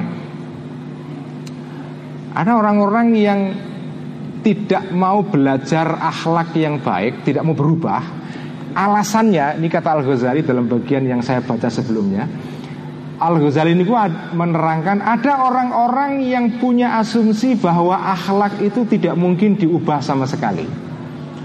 Karena akhlak itu adalah gawan bayi. Sejak lahir sudah ada begitu, sehingga ya akhlak itu nggak mungkin berubah lah. Kalau akhlaknya jelek ya sudah sampai mati juga begitu. Ini ada orang yang asumsinya begitu. Jadi kata Al Ghazali ada orang-orang yang berasumsi bahwa belajar akhlak itu tidak mungkin karena akhlak itu sudah diberikan pada seseorang sejak lahir oleh Allah dan tidak mungkin diubah. Kata Al Ghazali, perkataan atau asumsi semacam itu itu keliru. Istilah beliau golatun dalam bahasa sekarang sesat fikir atau falasi itu itu nggak benar. Nah kata Al Ghazali akhlak itu bisa dilatih, cuma latihannya lama memang. Jadi makanya beliau di sini mengatakan wahua mumkinun mencapai titik tengah antara bukhlun tabzirun antara napa nggih? Antara jubnun tahawurun antara uh, asyarohun dan asyaro asyaroh wal jumud itu dua titik ekstrim ini mungkin dicapai oleh manusia mungkin dipelajari bukan sesuatu yang mustahil. Keliru kalau orang-orang berpandangan bahwa man akhlak itu tidak mungkin dipelajari. Karena ada orang-orang yang berasumsi karena males gitu, ada orang yang berasumsi saya nggak mungkin berubah dulu zaman Belanda dulu niku uh, Belanda dulu itu punya satu apa nggih? Punya satu prasangka atau stereotip, punya satu gambaran bahwa bangsa Melayu itu ini menurut orang Belanda dulu ya, yang kemudian diulas dengan cukup bagus sekali oleh Profesor Farid Alatas dari Singapura dalam bukunya yang berjudul The, The Myth of Lazy Malay, mitos mengenai orang Melayu malas. Terus zaman kolonial dulu Orang Melayu niku dibayangkan oleh orang Belanda, orang Inggris, orang Barat penjajah ketika itu. Orang Melayu itu malas, nggak mungkin berubah. Wong nak bermangan ngantuk kepengen turu gitu kita jadi kan nak bermangan kepengen ngantuk turu? Omongane wong ya makan makan makanan tropik niku memang membuat orang niku ngantuk memang Ya karena situasi suasana tropik memang kan enak buat ngantuk dan tidur nih Nah bayangan orang Belanda, uang Indonesia, uang Melayu nih bu, nggak mungkin maju. Uang mereka itu malas sekali disuruh kerja nggak mau. Nah ini juga sama. Gambaran bahwa bangsa itu tidak mungkin berubah karena punya akhlak tertentu yang sudah bawaan dari lahir itu itu nggak benar juga. Terus Baik pada tingkat individu maupun tingkat bangsa Akhlak itu bisa berubah Gak mungkin ada akhlak itu kok Gak mungkin diubah itu gak, gak, gak benar Jadi selalu akhlak ini kata Al-Ghazali bisa diubah Asal ada latihan. Baik akhlak itu pada tingkat individu maupun bangsa. Bangsa Indonesia itu kalau mau berubah ya bisa Dan nyatanya sekarang juga bangsa Indonesia Bangsa Asia terutama Sekarang luar biasa ya, Hampir sekarang kan bangsa Asia sudah mulai menyalip bangsa-bangsa Barat Bahkan bangsa-bangsa Barat dalam banyak hal mulai tertinggal oleh bangsa-bangsa Asia. Misalnya sekarang niku handphone niku Samsung. Ini saya nggak nggak iklan bang Samsung buatan kalau yang dibayar Samsung nih Samsung itu sekarang pasarnya sudah mengalahkan atau mungkin sama dengan handphone bikinan orang barat seperti Apple di Amerika misalnya. Terus asumsi orang bahwa bangsa niku punya sifat tertentu yang tidak mungkin diubah itu juga salah. Niku holat atau sesat pikir. Orang mengatakan bahwa dirinya itu tidak mungkin berubah itu juga salah. Itu yang dikritik oleh Al Ghazali. Al Ghazali mengatakan salah kalau ada orang berasumsi bahwa tidak mungkin berubah sama sekali. Saya sejak lahir akhlaknya A maka seluruhnya sepanjang hidup saya akan berakhlak A. Itu salah. Kalau kamu mau berubah bisa. Apa jalannya? Kata Al Ghazali jalannya adalah riadoh. Riadoh niku nak cara bahasa sekarang training latihan. Dan latihan niku harus konsisten lama. Itulah uh, teori akhlak menurut Al Ghazali. Niki kesekiat terus uh, terus saking ngantos dugi bucuk napa niki uh, tekan judul subbab nggih mangke badhe niku mungkin nek ana sing kepengin takok nggih monggo nek ora ya mulai langsung nggih. Nggih mari terus tekan. Naam iya jibu naam betul. Betul bahwa yang disebut dengan akhlak itu artinya titik tengah nggih. Ghadab niku nggih ora ora ora kudu ghadab niku dihilangkan sama sekali tapi juga perlu cuma dikontrol di tengah-tengah. Ghadab tidak berlebihan tidak harus ekstrim kanan tidak ekstrim kiri. Betul begitu semua naam. Tetapi nggih yajibu nggih wajib ala syaihi bagi seorang guru al mursyidi yang menjadi mursyid okay, mursyid torekoh lil muridi menjadi petunjuk menjadi guide lil muridi bagi seorang murid seorang santri ya bagi guru yang menjadi pemandu menjadi guide para santri wajib bagi dia an yukabbiha okay. an yukabbiha untuk menjelek-jelekkan menampakkan sebagai jelek indahu terhadap murid tadi itu al ghadaba terhadap nafsu ghadab marah roksan sama sekali. Terus ini menarik ya. Al Ghazali menika mikirake guru. kue nak jadi guru menjadi petunjuk guide bagi santri itu ora kena nerangke bahwa godop itu perlu. Memang teorinya begitu, godop itu perlu tapi harus dikendalikan. Neng nak lagi ngajari murid, ojo mbok kandak ngono. Soalnya di kandak ngono kok terus dinggo alasan, wah godop perlu ya aku ora apa-apa. Nah, ah, ini ku jadi ini kayak teori edukasi ini, ini teori edukasi. Tapi nak kue dari guru aja kondo-kondo karo murid. Tapi biar aku sekondo ki mau karo kabeh ning kene kabeh do ngerti ya nggih. Keceplosan niku. Iki janjane ikhya niki wong pegangan nggih guru nggih. Ya tapi rapopo lah. Kan nanti juga semua akan jadi guru juga. Jadi kalau jadi guru niku aja kondo karo aja mulai pelajaran niku kowe kudu duwe sifat gotop aja ngono. Sejak awal kudu dikandano gotop iku jelek. Eh, Ah, baru setelah itu dikasih keterangan pelan-pelan. Tapi nak pertama kali kudu dikandake nak ghadab niku memang yukabbah, kudu di, dikandake elek sama sekali roksan. Ojo dikandani ghadab itu ya penting leneng ya kudu dikendalikan ya. Nah, jangan begitu. Mulainya jangan kalau tadi itu teori. Nah, tapi kalau teori ini mau diajarkan kepada para murid ya, itu harus lain eh, metodenya. Ya. Betul Ghazali ini kira-kira apa ya? Ah, Ihya ini kan mikirno para guru juga. Terus ono ilmu tapi juga ada cara mengajarkan ilmu. Dan itu pelajaran yang bisa kita yang bisa kita ambil dari sini adalah nopo. Bedakan antara ilmu dan cara mengajarkan ilmu. Bedakan antara kebenaran dan cara menyampaikan kebenaran. Itu yang bisa kita ambil dari sini. Terus ada kebenaran satu hal, ada menyampaikan kebenaran itu hal yang lain. Kebenaran yang disampaikan dengan cara yang tidak benar itu juga bisa menimbulkan masalah. Ini kalau kalau kita mau belajar dari kalimat ini. Terus dari sini secara tidak langsung Al Ghazali atau Imam Ghazali mau mengatakan kepada kita bahwa ada kebenaran tapi juga ada cara menyampaikan kebenaran. Dan itu dua hal yang berbeda. Cara menyampaikan kebenaran itu juga penting harus dengan cara yang benar juga. Kalau Anda menyampaikan kebenaran dengan cara yang tidak benar, maka Anda akan menimbulkan masalah juga. Itu dibahas di dalam Ihya jilid pertama ketika Al-Ghazali menerangkan tentang adabul amri bil ma'ruf wan nahyi anil munkar.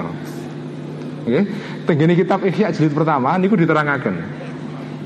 Kan wonten hadis ingkang Nabi dawuh Man ra'a minkum mungkaran falyughayyirhu biyadihi fa illam yastati fa bilas fa bilisanihi wa illa fa illam yastati fa biqalbihi wa dzalika ataful iman. Nah ana wong roh barang mungkar kudu diobah. Itulah menjadi dasar dari ajaran dalam Islam yang disebut nahi amar ma'ruf nahi mungkar. Di dalam kitab Ihya Imam Ghazali menerangkan cara untuk amar ma'ruf nahi mungkar. Kalau nggak salah ada empat adab, nih. ada tata cara amar ma'ruf nahi mungkar ada empat. Salah satunya yang dikatakan oleh Al Ghazali di sana adalah Wong oleh amar ma'ruf nahi mungkar ning kudu dengan cara yang ma'ruf. Itu salah satunya. Jadi nak ono wong nyegah barang mungkar atau memerintahkan barang engkang ma'ruf tidak dengan cara yang ma'ruf maka itu salah karena tidak mengikuti adab. Amar ma'rufnya nahi mungkarnya sendiri benar tapi caranya itu salah. Nah kalau salah itu adalah menyalahi adab, menyalahi tata cara. Karena itu waktu dulu saya masih ingat itu waktu ada debat di apa nggih teng TV One antara wakil FPI dengan almarhum uh, Ustadz sinten ingkang uh, ahli hadis menika Ustadz Ali Yakub okay, ingkang pernah mendados Imam Masjid Besar uh, Istiqlal okay. uh, Ustadz uh, Dr. Ali, Ali Mustafa Yakub okay. Ali Mustafa Yakub Nah ketika debat di TVR di TV One itu Kiai Mustafa Ali Yakub um, betul kitab Ihya. Betul kitab Ihya oke karena ketika itu kan debat soal eh, bagaimana cara emang nahi amat ma'ruf nahi mungkar itu memang seenaknya dan seperti orang-orang FPI itu seterusnya. Lalu Kiai Ali Mustafa Yakub menunjukkan ini dalam kitab Ihya dibuka ya. Ini ini adab amar ma'ruf nahi mungkar menurut Imam Ghazali. Terus nahi mungkar nak bukan dengan cara yang ma'ruf ya salah. Karena itu bisa menimbulkan kemungkaran yang justru bisa lebih besar. Bahkan kata Al-Ghazali, orang itu boleh nahi mungkar tetapi harus yakin betul bahwa nahi mungkarnya tidak bisa menim tidak menimbulkan mungkar yang lebih besar. Kalau nahi mungkar kita menimbulkan kemungkaran yang lebih besar, maka nahi mungkarnya tidak boleh. Saya nggak tahu contohnya yang mana. Kalau diambil contoh yang konkret nanti bisa menimbulkan masalah. Tapi kira-kira ini teorinya. Menurut Al Ghazali, wong oleh nahi mungkar ning harus yakin bahwa nahi mungkarnya dia tidak menimbulkan kemungkaran yang lebih besar. Itu salah satu syurut atau adab al-amr bil ma'ruf wa nahi anil mungkar menurut kitab Ihya. Nah, kira-kira niku sama kali niki. Terus kebenaran itu satu hal, menyampaikan kebenaran itu hal yang lain. Saya juga pernah mengalami itu Menyampaikan kebenaran dengan cara yang tidak benar Lalu timbul kontroversi yang macam-macam Pelajaran ihya okay. Terus Nak jadi guru okay, Kudu yukab biha Kudu jelek-jelek kudu ngarah ke nak godop itu memang ya salah elek okay, kopiah wa yadhumma ya wa yadhumma dan syekh tadi wa yadhumma dan mencela okay? seorang syekh tadi imsakal mali menahan harta maksudnya medit ya roksan sama sekali. Orang orang orang orang oleh diwarai ya nopo nggih nak duwe bondo niku nggih boros ora oleh. Ning medit ya ora oleh kudu tengah-tengah. Ini kan diwarai ngoten nak nak diwarai teorinya kados ngoten niku kan bisa timbul kesan. Nak ngono aku ya ora usah ngei duit akeh-akeh nggo infak ning masjid kan? Tengah-tengah. Pilihannya antara 100 ribu atau 10 ribu? Ah, aku ora gelem ngei 100 ribu ya. Tengah-tengah seket lah ya. Jadi ini terus dinggo alasan wong medit neng medit yang agak sedikit terkontrol. Maksudnya ngoten Terus nak jenengan sejak awal ngasih teori tengah-tengah ngoten niku wau kepada orang yang baru belajar. Nah ini terus dinggo alasan ini kan biasa. Santri ini kan paling sen, paling paling pinter nak nak menggunakan ilmu kelah nih, oke? Itu santri pinter pinter banget nih, Terus dinggo kelah, wah nak ngono aku ya ora usah nyumbang satu sewu tengah-tengah yaitu 50 ribu nah, jadi untuk menjustifikasi kemeditan cuma kemeditan yang moderat. Okay.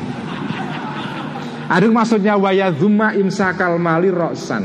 Okay. Juga niki uh, salah satu nasihat Imam Ghazali wala dan tidak memberikan keringanan rukhsah ya.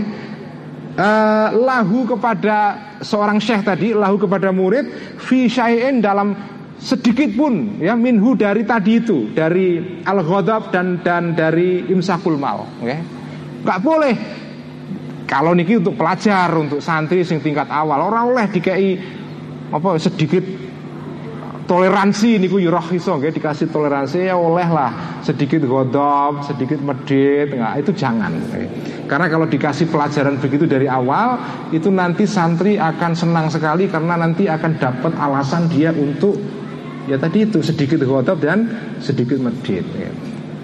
Li'annahu karena sesungguhnya Syekh tadi laurah jika memberikan toleransi lahu bagi seorang murid fi adna dalam sedikit saja sedikit sesuatu okay, maka ittakhadha akan menjadikan zalika tadi sedikit sesuatu tadi itu udhron sebagai apa? alasan sebagai justifikasi legitimasi niku udhron nggih.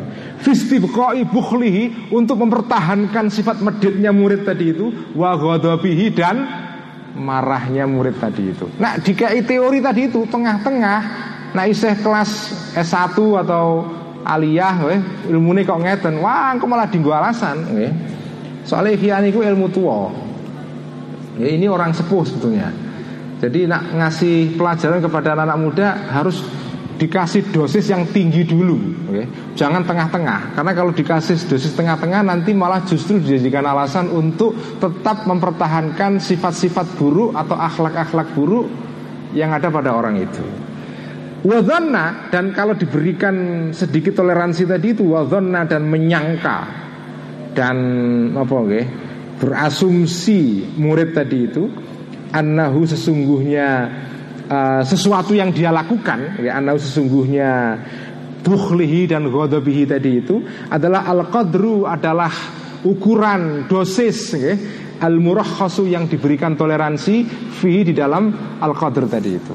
Jadi kalau niki kan kadang-kadang kan anu nggih napa nggih?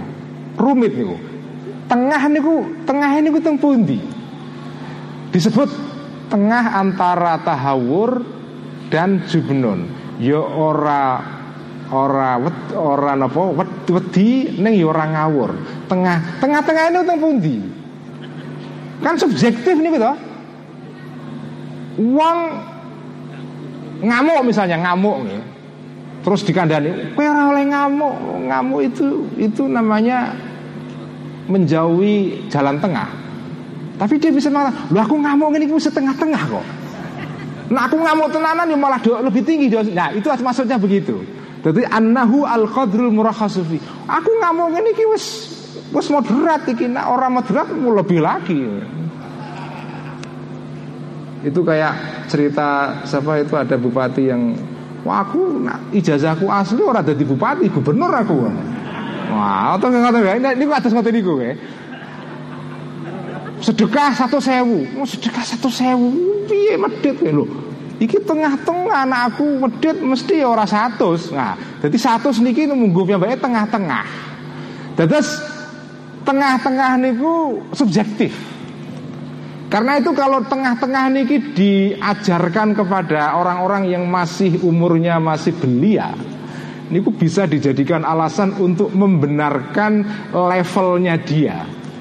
Jadi dia mengatakan, wah aku ngene iki wis tengah-tengah. Nah orang tengah-tengah aku luwe lagi ya itu itu maksudnya. Makanya kalau jadi guru harus hati-hati menyampaikan teori kitab Ihya mengenai akhlak ini karena kalau tidak akan dijadikan alasan untuk membenarkan ghadab dan asyahwah. Okay. Jadi aku belanja segini setengah-tengah padahal belanjanya sak miliar misalnya. Gue tengah-tengah, nah aku lah tengah-tengah belanjaku 10 miliar misalnya. Nah itu kan itu maksudnya. Terus memang yang disebut dengan iktidal al-wasat atau wazun itu memang ya relatif. Nak wonge janjane niate elek ya iso menggunakan alasan iktidal tawasud niku untuk membenarkan tindakan dia.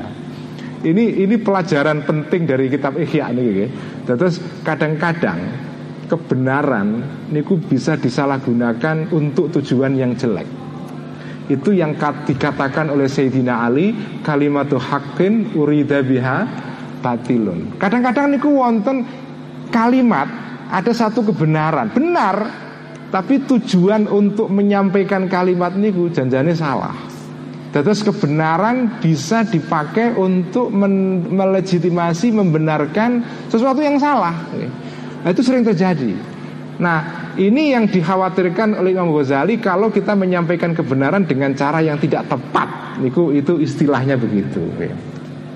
Faida kosoda, Faida kosoda maka ketika men menuju atau bertujuan, okay, seorang syekh tadi itu.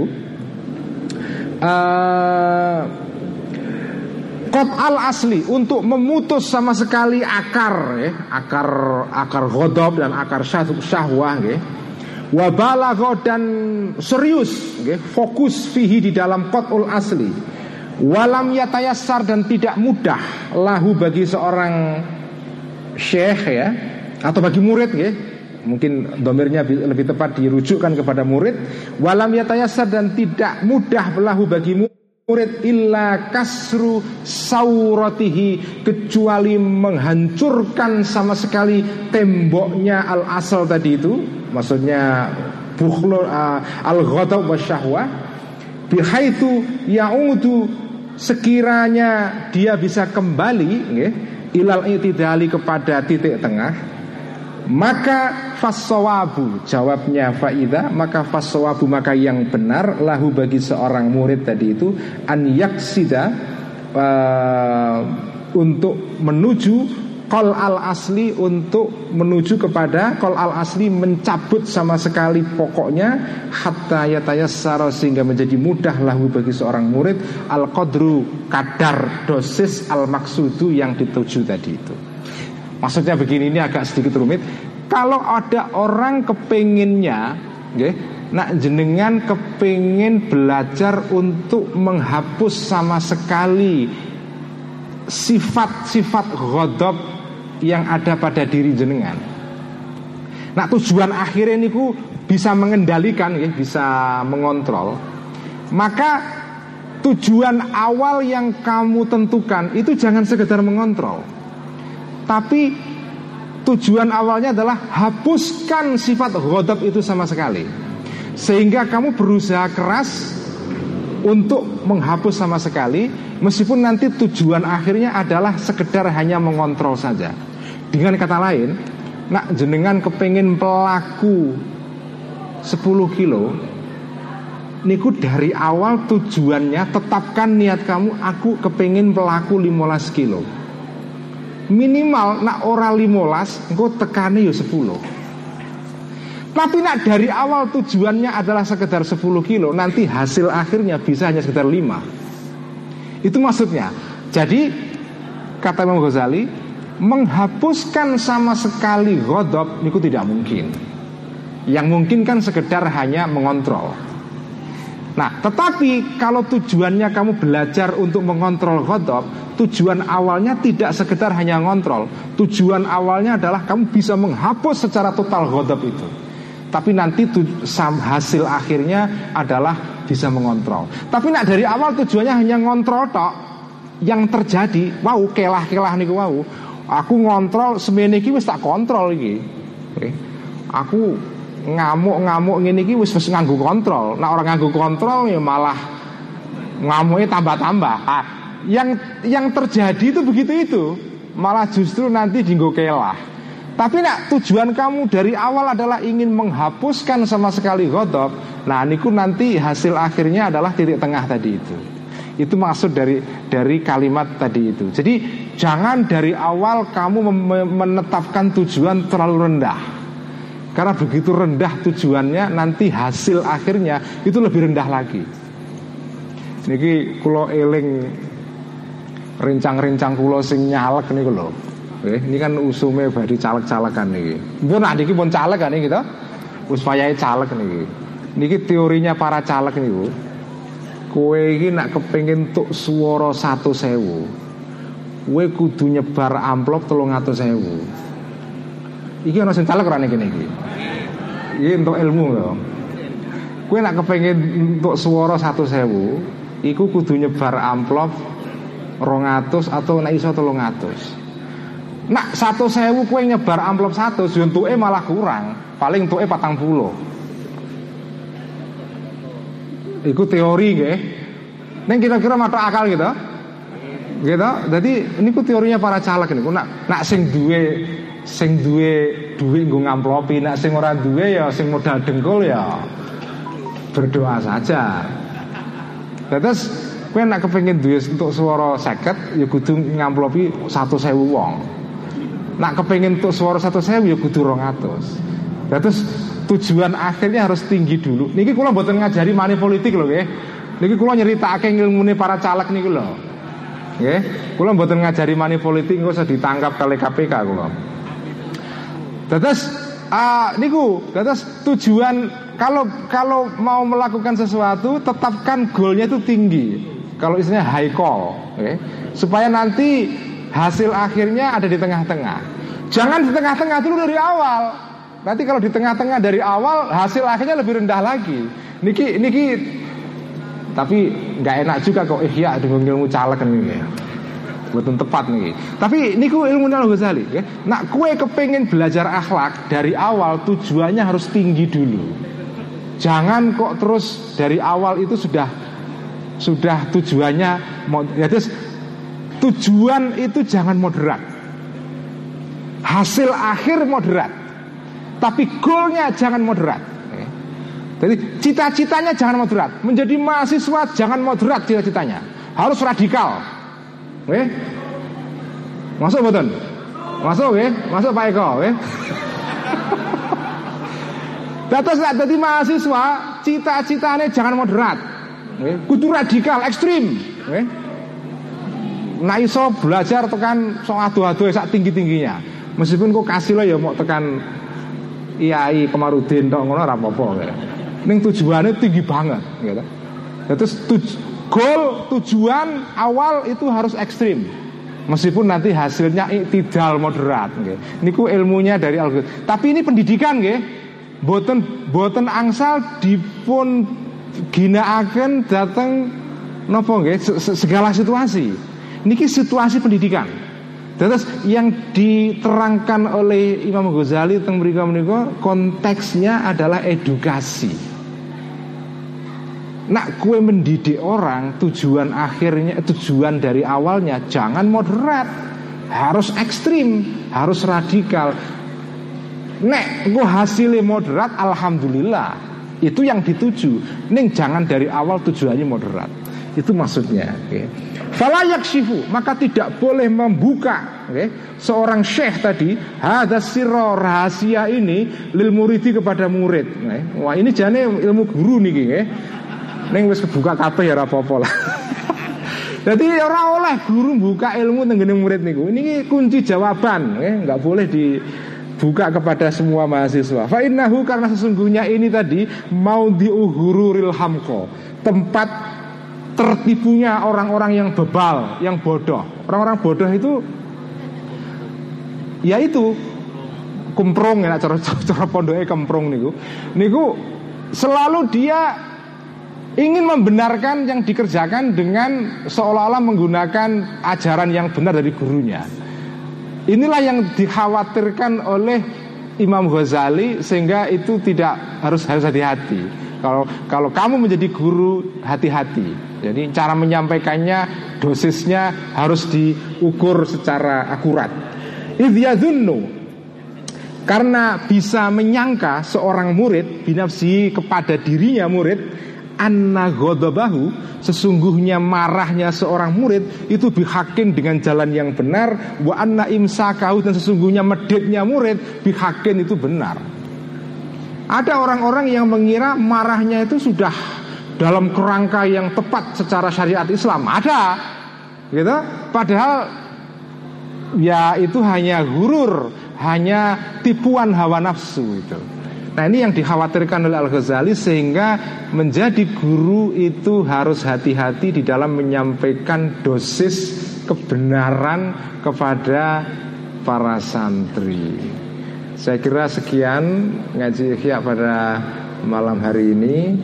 Uh, saya insya Allah kita mendapatkan banyak ya dari Al Ghazali malam ini ya banyak sekali. Uh, ya kalau kalau ilmu ini terasa ketinggian bagi sebagian yang hadir di sini nggak apa-apa lah kan tadi itu tujuan harus ekstrim gitu ya ada pun jenengan tuh emok sepertiga nggak apa-apa ya. tapi minimal tujuan akhirnya ikhya ya. ekstrim radikal ya. nah tapi hasilnya nanti insya Allah moderat ya. inilah ilmu ikhya yang penting untuk kita um, pahami dan kita hayati terutama teori Imam Ghazali mengenai akhlak dan bagaimana mengajarkan akhlak ini kepada para murid. Sekian niki wonten tanya jawab. Wonten nggih? Nah, wonten tanya jawab nggih monggo mawon nggih. Sekian sampai ketemu lagi nanti ngaji ya secara online nggih di tempat-tempat lain diteruskan pada bagian seterusnya. Semanten mugi-mugi bermanfaat. Billahi taufik wal hidayah wallahu muwaffiq ila aqwamit thoriq. Assalamualaikum warahmatullahi wabarakatuh.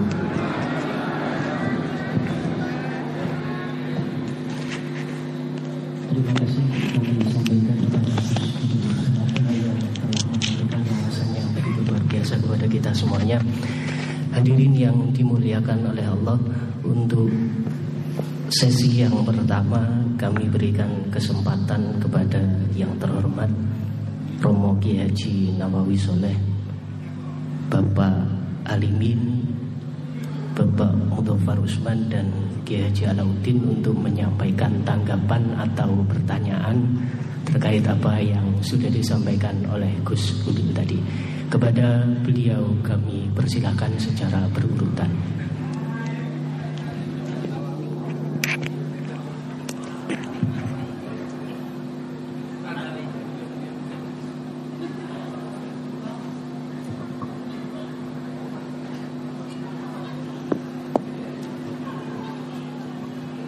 Untuk kesempatan yang pertama. Yang pertama saya ingin menanyakan mungkin Mas Susi bisa kasih Tadi ada sebuah ayat yang disebut Asyidah wal kufar Ruhama Nah itu ambil modalnya seperti apa? di beberapa apa namanya, medsos itu kan kemudian sekarang sangat parah sekali. Ini barangkali salah satu hal. Yang kedua, antara wal kadhimin al itu dengan yang urut kadhimin al itu kan bisa menahan. Tapi di sisi lain dan kemudian waktu tadi katanya perlu Agar supaya semangat kita ini tetap ada. Kalau tidak salah ini mirip dengan apa yang pernah disampaikan oleh Ibnu Arabi, ya.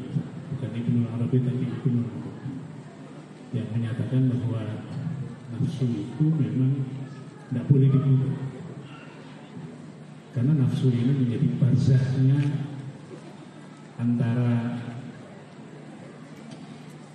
apa namanya jasad dan ruh di dalam diri manusia ada jasad dan ada ruh di tengah-tengah itu ada nafsu karena itu kemudian tugas kita agar nafsu ini menjadi baik itu tetap berada di tengah tidak boleh condong ke ekstrim kanan dan kiri kalau terlalu dekat sama ruh itu mungkin dari sisi kehidupannya juga akan mengalami uh, kekurangan.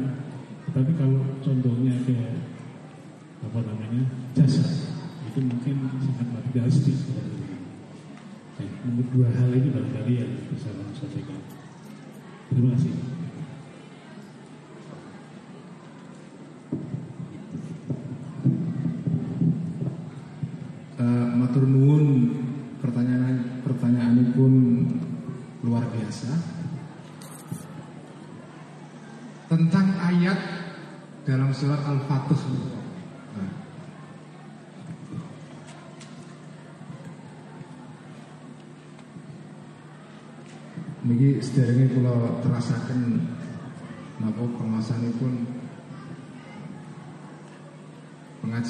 ini tidak bisa terselenggara kalau tidak ada panitia yang menyelenggarakan ini dan juga kalau tidak ada Mbak Inas Suraya nika ingkang nyoting acara dalu menika nika istri kula nggih mboten santri kula Santri kula juga no.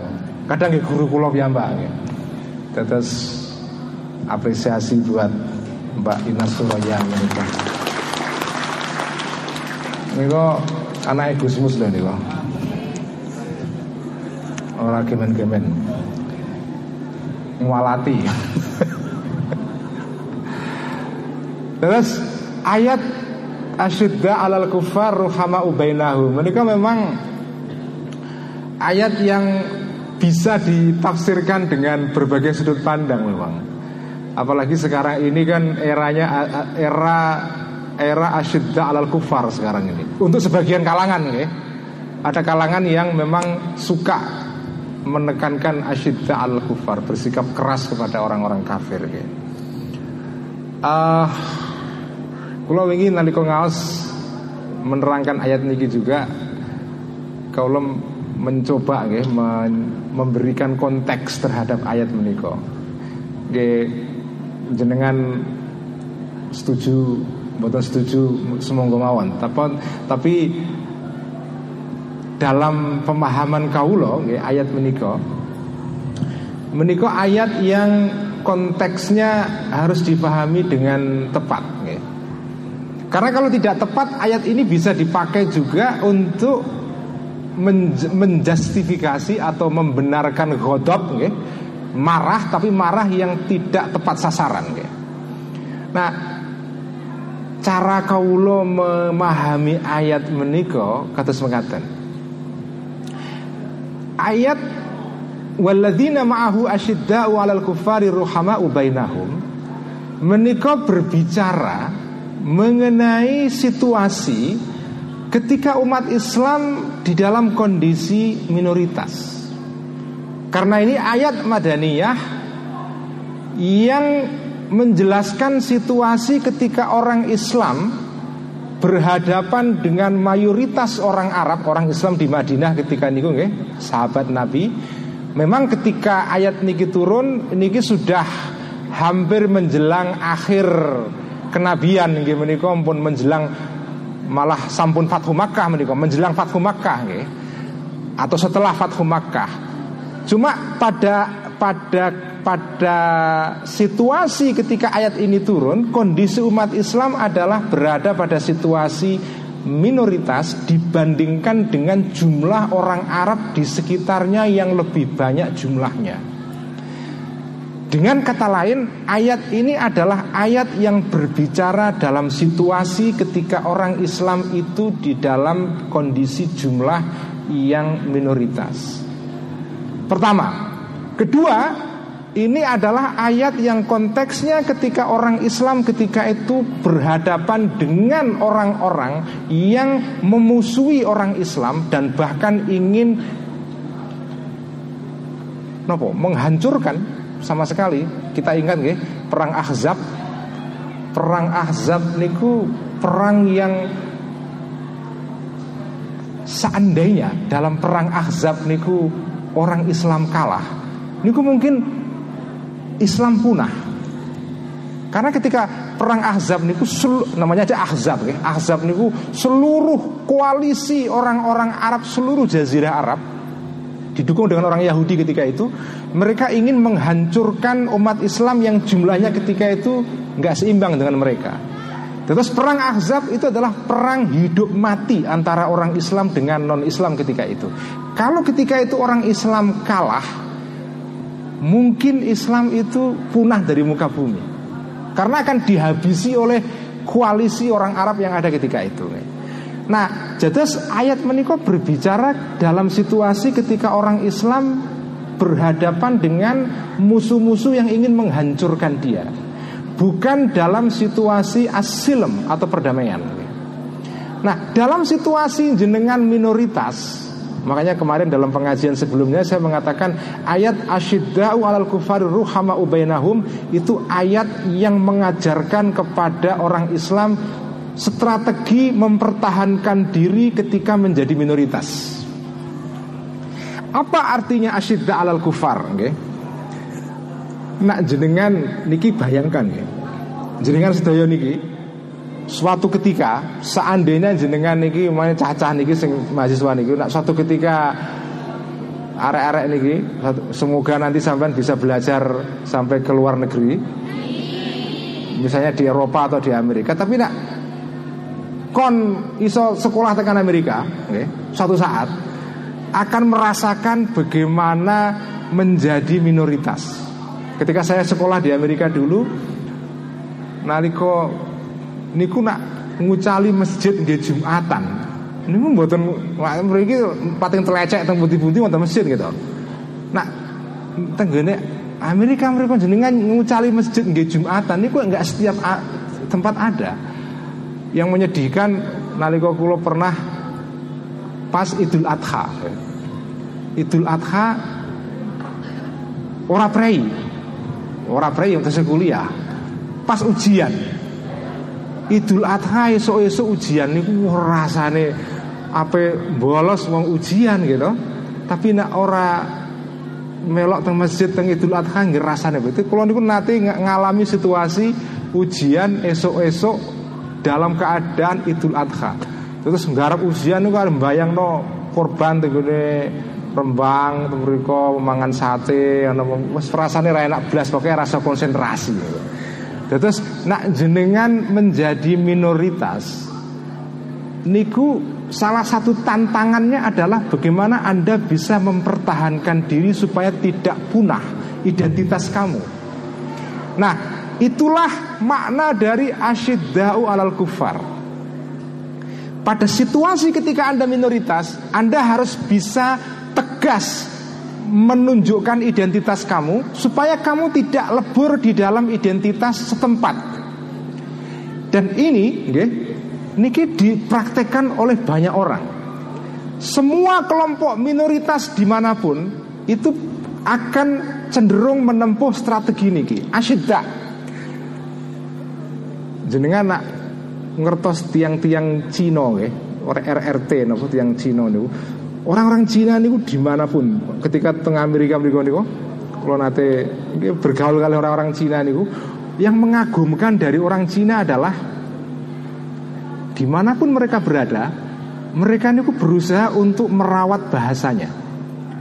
Terus nak tenggrio niku keluarga-keluarga orang-orang Tionghoa niki niki berbicara dengan anak-anaknya itu tidak mau dengan bahasa Inggris. Dengan bahasa Cina. Karena mereka tidak ingin anak-anaknya itu kemudian lalai atau lupa kepada bahasa Cina dan lebur di dalam bahasa setempat bahasa Inggris sehingga mereka akhirnya tidak punya identitas. Terus ketika Anda menjadi minoritas tantangannya adalah bagaimana Anda bisa tegas mempertahankan identitas kamu sehingga kamu tidak dicaplok oleh identitas dominan yang ada di sebuah tempat itu. Tapi nak jenengan mayoritas tidak ada tantangan untuk itu. Karena itu ketika Anda minum, menjadi mayoritas Justru tantangannya adalah bagaimana Anda bisa mentoleransi orang-orang yang kecil jumlahnya Nah jenengan minoritas itu kudu asyid al kufar dalam pengertian Anda harus bisa menegaskan identitas diri Karena kalau tidak ya punah Nah niku yang dilakukan oleh Niki kalau salut kali Gus Dur ya. Gus Dur itu sudah putra-putra ini ku Mbak Lisa, Mbak Yeni, semua lah. Niku tesih sakit bahasa Jawa, kromo inggil niku lho. Malah sing anak kula niku malah mboten sakit bahasa Jawa. Kula nggih rada isin janjane iki. Karena kita nggak pernah berbicara dengan bahasa Jawa karena mengikuti anak-anak kita pakai bahasa Indonesia akhirnya bahasa Jawanya hilang. Tapi Gus Dur niku sak meniko putra-putrane sedoyo bisa bahasa Jawa dengan bahasa Jawa kromo inggil. Mbak Mbak Lisa, Mbak Yari ini sakit kromo inggil nih. Padahal tumbuh besar di Jakarta. Karena apa? Karena Gus Dur tidak mau pakai bahasa Indonesia di rumah. Kalau di rumah pakai bahasa Jawa. Itulah cara merawat identitas ketika Anda menjadi minoritas di tengah-tengah mayoritas yang kebudayaannya dominan. Terus ayat asyiddau alal kufar ruhama ubainahum itu strategi menjadi minoritas supaya survive. Asyidda artinya mempertahankan identitas. Ruhama ubainahum artinya apa? Memelihara solidaritas antar kelompok sesama Orang-orang yang satu kelompok. Kalau anda tidak menjaga solidaritas kelompok anda okay, Maka identitas kamu akan akan hancur. Dan ini sebetulnya ayat niki niku Niku ayat yang relevan diterapkan oleh semua kelompok. Bukan hanya orang Islam semua orang kalau menjadi minoritas Anda harus menempuh strategi ini. Tegas terhadap identitas kamu Solidaritas kepada sesama kawan kamu. Itu kalau Anda minoritas.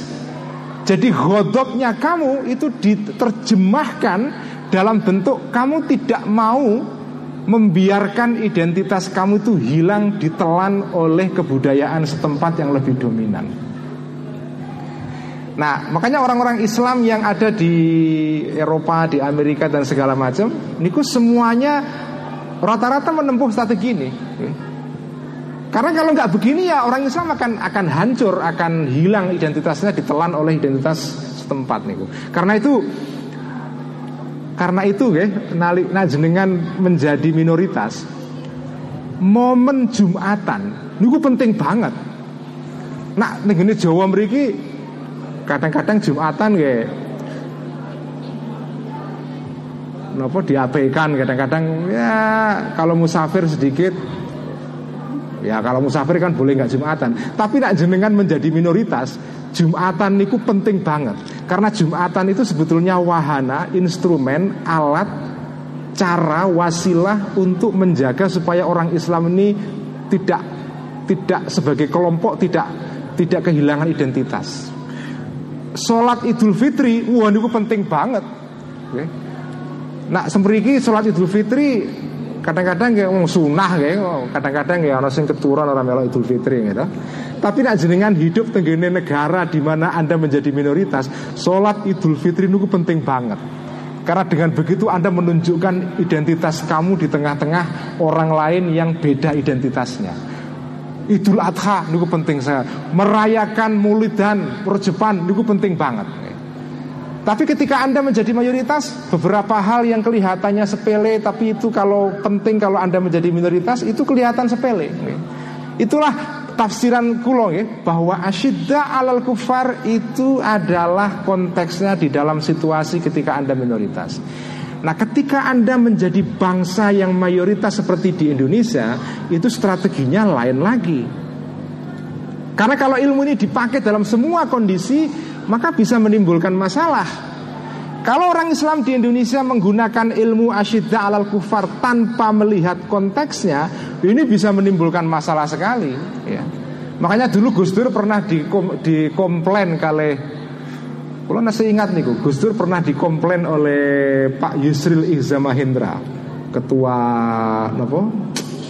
PBB kayak dalam sebuah diskusi tahun 80-an di Masjid Sunda Kelapa. Saya masih ingat ketika itu kalau masih mahasiswa nih. Diskusi yang ramai didatangi ribuan orang. Ketika itu wonten Gus Dur, wonten Pak Yusril Iza Mahendra, ada MH Nur Najib, ada Amin Rais. Oke, ada Pak Amin Rais ketika itu. Ketika itu Pak Yusril bilang kepada Gus Dur, Gus, saya punya keberatan kepada Gus Dur ini. Karena Gus Dur itu kelihatannya kok kalau sesama orang Islam kok sering mengkritik, malah keras. Justru kalau sesama kalau terhadap orang lain yang di luar Islam kok malah ruhama. Jadi Gus Dur ini bukan asyidda alal kufar ruhama, tapi ruhama ulil kufar asyidda'u alal muslimin. Gimana ini? Itu kata Pak Yusril ketika itu ya. Kulo pun supe jawabannya Gus Dur, tapi kira-kira jawabannya Gus Dur ngeten, sing, sing ingat ya. Gus Dur Gus Dur ngendikan lah iya nak wong Islam ora ana sing nyengeni sesama orang Islam ora ana sing berani mengingatkan nyengeni sing gelem sing wani nyengeni sapa Masa uang di luar Islam wani nyengeni orang Islam kalau orang Islam salah. Sing iso nasihati orang Islam kan kudu wong Islam dewi. Kan kita nggak bisa mengharapkan orang di luar Islam nyengeni orang Islam kalau orang Islam bertindak salah. Kalau saya asyidda alal muslimin karena saya orang Islam sehingga saya berani ngelokke atau menasehati orang Islam yang kebetulan sedang jalannya kurang tepat. Saya ingatkan, saya kritik.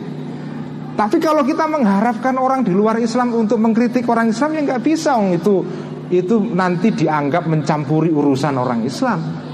Terus, napa nggih? Uh, ayat menika kula matur nuwun dipun dipun napa tanya soal menikah karena ini ayat memang relevan sekali untuk kita pahami kembali secara tepat dalam situasi sekarang ini karena kita sekarang ini berhadapan dengan sebagian eh, teman-teman uh, muslim yang suka asyidda alal kufar tapi tanpa melihat uh, empan papan atau konteksnya Niki nak nak menggah kaulo pemahaman kaulo terhadap ayat menikah dipun kaitkan kali konteks itu tapi konteksnya itu kalau dipahami dengan benar, insya Allah kita bisa menerapkan godop ini dengan proporsional.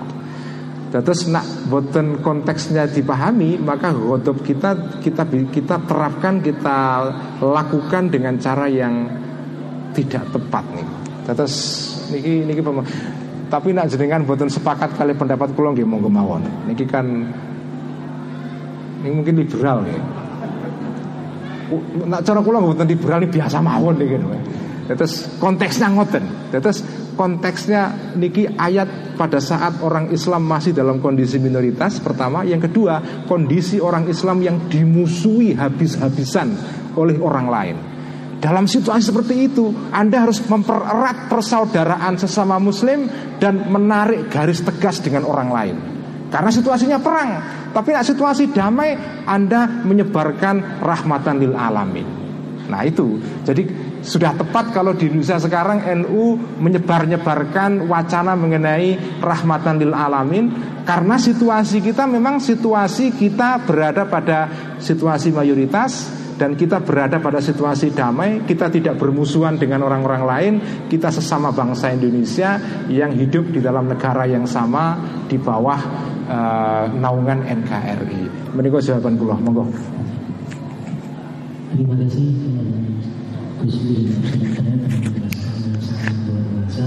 Selanjutnya kami persilahkan kepada Haji dan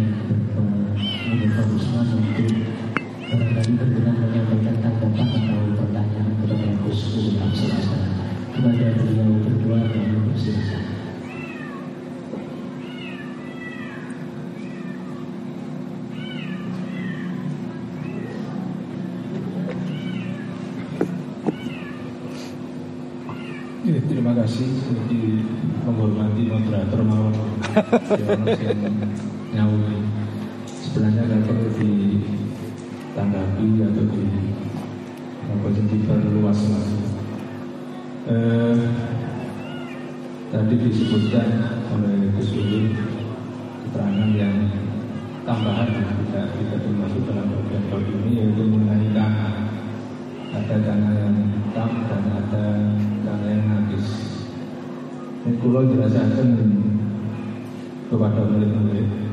Apa sih nek ono panatan dan ono tanah najis tamu yo sempurna sempurna akal. Ya najis ini banyak kurang stres oleh apa? Umumnya fikir lebih pasangan yang itu yang normal. Kok ono? Mestinya pasangan mubtada khobar dimasuki orang ketiga dengan ikan itu stres terus hubungan orang ketiga maka eh, apa sebenarnya maka disebut karena yang nakis Nakis. oh itu stres oh, mestinya jadi pasangan Fa'il kok tidak merusak hubungannya Tidak khobar. Mubtada dan khobar dan itu termasuk karena mestinya jenengan itu termasuk karena nangis itu karena apa? Karena ya mesti putrinya dia ini ditumpahi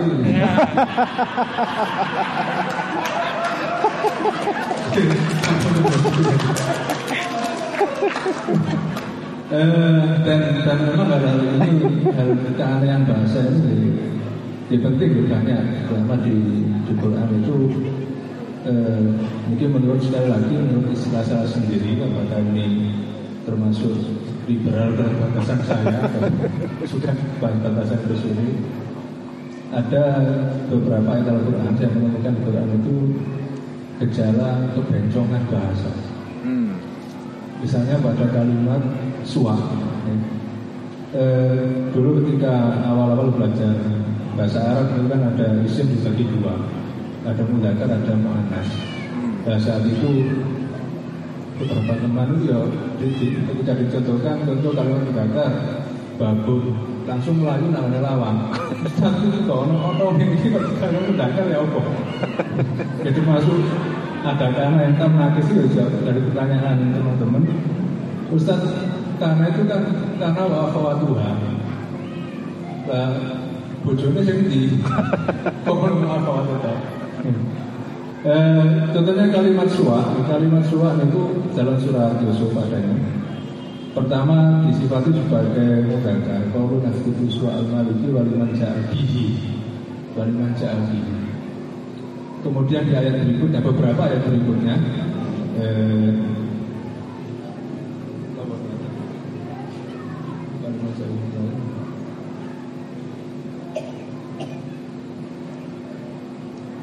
apa tadi? Mungkin ada catatan. Suwa nih. Sumas takhrajaha min mi'a'i akhihi. Sumas takhrajaha min mi'a'i akhihi. Kemudian Nabi Yusuf itu mengeluarkan suwak tadi itu, tapi di sini gambarnya pakai pakai H. Dan dan itulah memang keunikannya bahasa Arab yang mungkin kalau dijelaskan di situ ya nanti tambah tahu.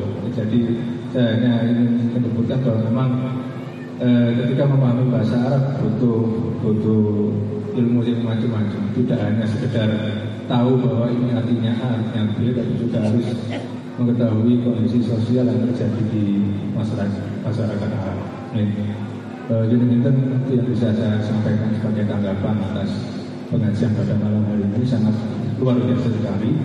Bagaimana bahasa yang harusnya utawi itu ini bisa diterjemahkan di era zaman itu sulit, sulit. Sekalian lanjutannya Gus. Nggih, nggih. Selanjutnya kami persilakan Pak Munofar dan juga Pak Ali. Pak Munofar dan Pak Ali untuk menyampaikan tanggapan atau pertanyaan ke Gus Yusuf.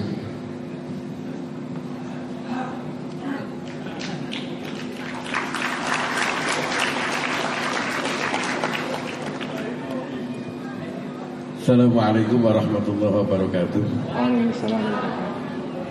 Langsung saja saya mau mumpung kesempatan kopter ini ngaji, yang kepingin meningkatkan ngaji.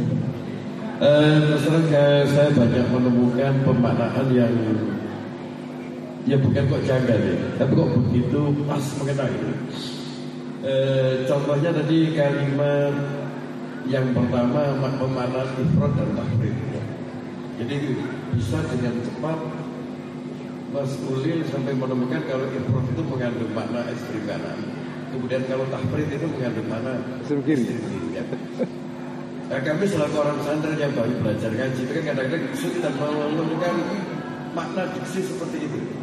Ya, bagaimana caranya sehingga kami terbantu untuk bisa memahami pemaknaan seperti itu. Contoh yang kedua yaitu lafal syekh tadi pada halaman 940 kata set di situ mengandung makna sedikit. Jadi sesuatu yang sangat sedikit sekali. Jadi wala yurakhasu lahu fi syai'in.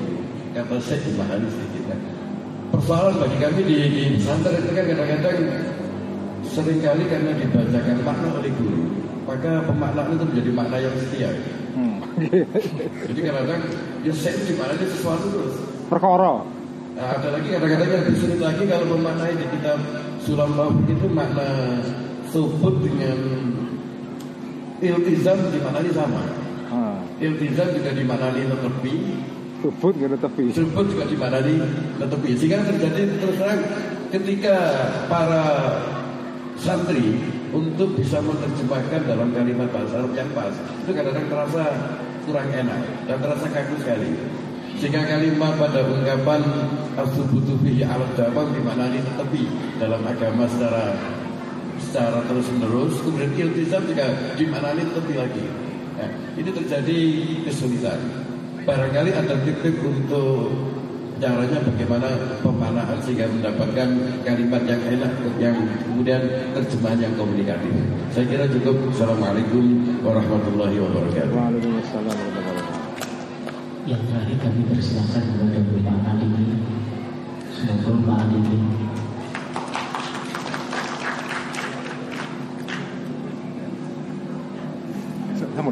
Setunggal balik nih mas terakhir. Kita buka satu termin saja. Nggih.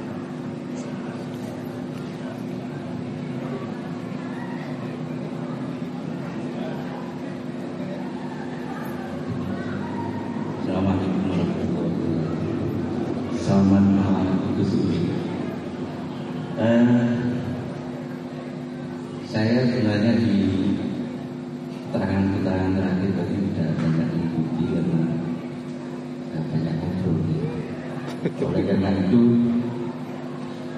saya agak lepas dari apa yang disampaikan Duri pada pengajian ini, tapi masih eh, terkait dengan isu-isu yang menurut saya relevan untuk dijelaskan Duri. Saya mungkin meneruskan pancingan Pak Rektor. Pak Rektor tadi kan bicara tentang persoalan keliberalan Gus. Di forum ini saya belum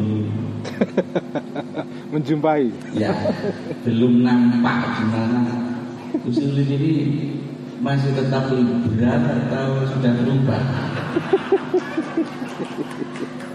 Ini ini saya belum belum begitu tampak.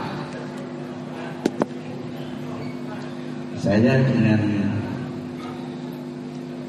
eh, mohon lebih tampak. Nah, Untuk lebih tampak ini menurut saya eh, perlu ihya ini dibunyikan dalam konteks isu-isu yang strategis. Jadi eh, kalau tidak salah, saya mengikuti dialog dengan ulama muda di Jawa Timur itu tahun berapa itu pondoknya Gus, Gus Ali, Gus Nuril, mohon koreksi nanti kalau salah saya dengar dari apa dari YouTube itu. Semua agama itu Sama. sama atau benar.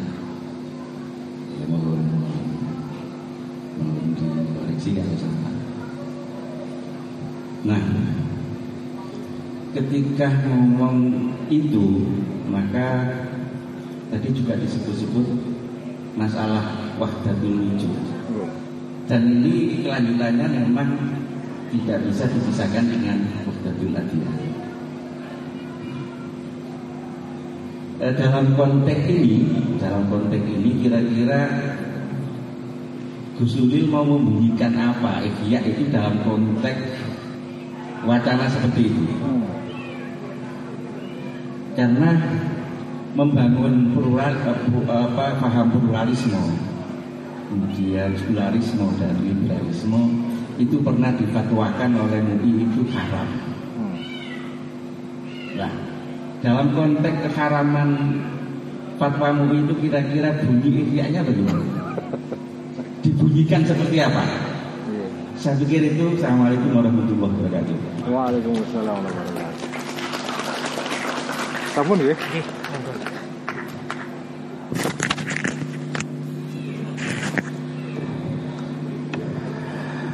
Matur nuwun niki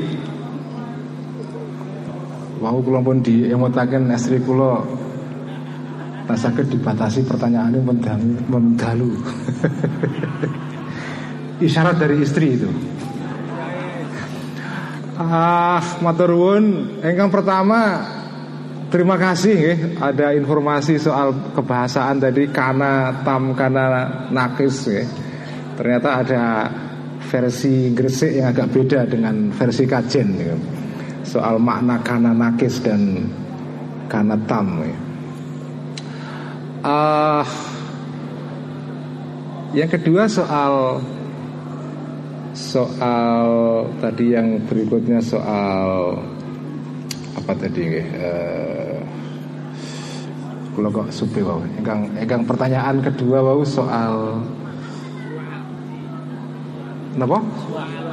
Soal Malik betul ingkang ingkang sakwuse nika. Uh, kalau soal fenomena soal Malik menika ad, ad, ad, memang di dalam bahasa Arab ada beberapa kata nggih, beberapa mufradat atau kata yang dalam satu hal dianggap atau diperlakukan sebagai muzakkar tapi dalam situasi yang lain diperlakukan sebagai uh, muannas. nggih. Nah, niki menarik ya karena ini di pesantren ya, kula ngomong di luar pesantren mungkin agak sedikit agak kurang relevan karena ngomong soal nahu kedawan-dawan mungkin bisa menimbulkan eh, masalah nih gue. Tapi datang pondok kan nahu sudah biasa. Niki soal kata suwa niku wau. Ah nak dipun cek tenggene napa surat Yusuf nggih. Eh suwa niku namine kan apa nggih? Eh takeran nggih napa? Eh nggih takeran nggih. Ini kan cerita soal saudara-saudara Nabi Yusuf yang mengalami kelaparan lalu pergi ke Mesir men- men- mencari gandum supaya untuk makanan keluarganya dan setelah sampai di Mesir dilayani dengan sangat eh, luar biasa dan apa diberikan timbangan yang sempurna. Nah, ukuran yang dipakai timbangan itu namanya suwa itu. Nah, kata suwa di sini qalu nafqidu suwa al-maliki waliman jaa bihi khimlu ba'irin wa ana bihi za'im. Kata suwa di sini itu diperlakukan sebagai muzakkar waliman jaa bihi ya, pakai domir muzakkar. Nah, kemudian seterusnya dalam ayat yang nomor 75 tadi 72 ini 75 fabada'a bi awiyatihim qabla wi'ai akhihi thumma stakhrajaha pakai muannas. Nah, sekarang pertanyaannya Nah, kulot kulot tesih dereng setuju kali sinten mau ingkang kedua nggih, Mas Pak Mudofar nggih. Kulot kula bahas tesih mboten setuju nak ha niki rujuke murni tenggene suwak. Soalnya kata istakhrojaha mriki niki konteksnya fabada'a bi awiyatihim kata awiyah nggih uh, dalam bentuk jamak awiyah qabla wi'ai akhihi thumma istakhrojaha Nah, ha temriki rujuke tenggene suwak nopo tenggene awiyah Memang kalau segi makna rujuknya yang masuk akal adalah teng suwa al malik. Tetapi tenggene ayat mriki wonten redaksi fabada'a bi awiyatihim. Nah, yang menarik di dalam bahasa Arab niku wonten fenomena lafal niku ketularan muannas atau muzakar karena lafal sebelumnya. Terus muzakar muannas niku nular. Niku wonten fenomena yang disebut dengan uh, apa bahasa Arab itu lupa ya, tapi ketularan. Kados contoh yang paling jelas ya, inna rahmatallahi qaribun minal muhsinin. Inna rahmatallahi. Sesungguhnya rahmat Allah qaribun. Kenapa enggak qoribatun? Karena kata koribun itu walaupun rujuknya ke rahmat Cuma kata rahmat karena diidofahkan kepada Allah yang muzakkar Ini dari mu'anas ketularan muzakari kata Allah. Karena itu koribun menjadi koribun bukan koribatun Terus muzakkar mu'anas itu pun nular. Nah saya tidak sepakat seluruhnya bahwa tumas takhrojahan itu rujuknya teng suwa yang muzakkar Tapi dalam hal ini diperlakukan sebagai mu'annas sehingga istakhrojaha mungkin istakhrojaha karena suwak temriki wau diungkapkan dengan redaksi lain fabada'a bi awiyatihim Awiyah dalam bentuk jamak Jamak itu dalam bahasa Arab dianggap mu'annas Jadi karena itu kata suwa Karena dalam ayat Thumastakhrojaha ini terkait dengan kata awiyah Mungkin ketularan karih mu'annas kata ra'iyah atau apa Sehingga menjadi istakhroja Iki rada akal-akalan sidik janjane gitu. Tapi kadang-kadang nahu itu rada akal-akalan Ono ketularan barang itu jadi kondi ketularan barang gitu. Ya itu ini niku nggih. Cara nahune wonten mudzakar mu'annas niku nular inna rahmatallahi qaribun minal muslim. Kula nek pertama kali ndonga keterangan niku rada guyu. Mudzakar kok mu'annas kok nular itu janjane piye. Tapi gini ku, ya, teori dalam ilmu nahu atas wonten sing kados niku. Oh pertanyaan berikutnya niku kok lupa nggih, kena sing ifrat tafrid nggih, ifrat tafrid. Soal memberikan makna yang tepat nggih. Ah uh, nak kula memaknai ngeten nggih. Memang makna ala pesantren nalika kula ngaji teng kajen riyen niku. Niku nak cara ilmu terjemah nggih niku terjemah harafiah. ya, terjemah ingkang taat kali teks. Nah, terjemah ingkang kawula lakukan niki niku terjemah sing rodok liberal napa? Sing rodok bebas ngoten lho.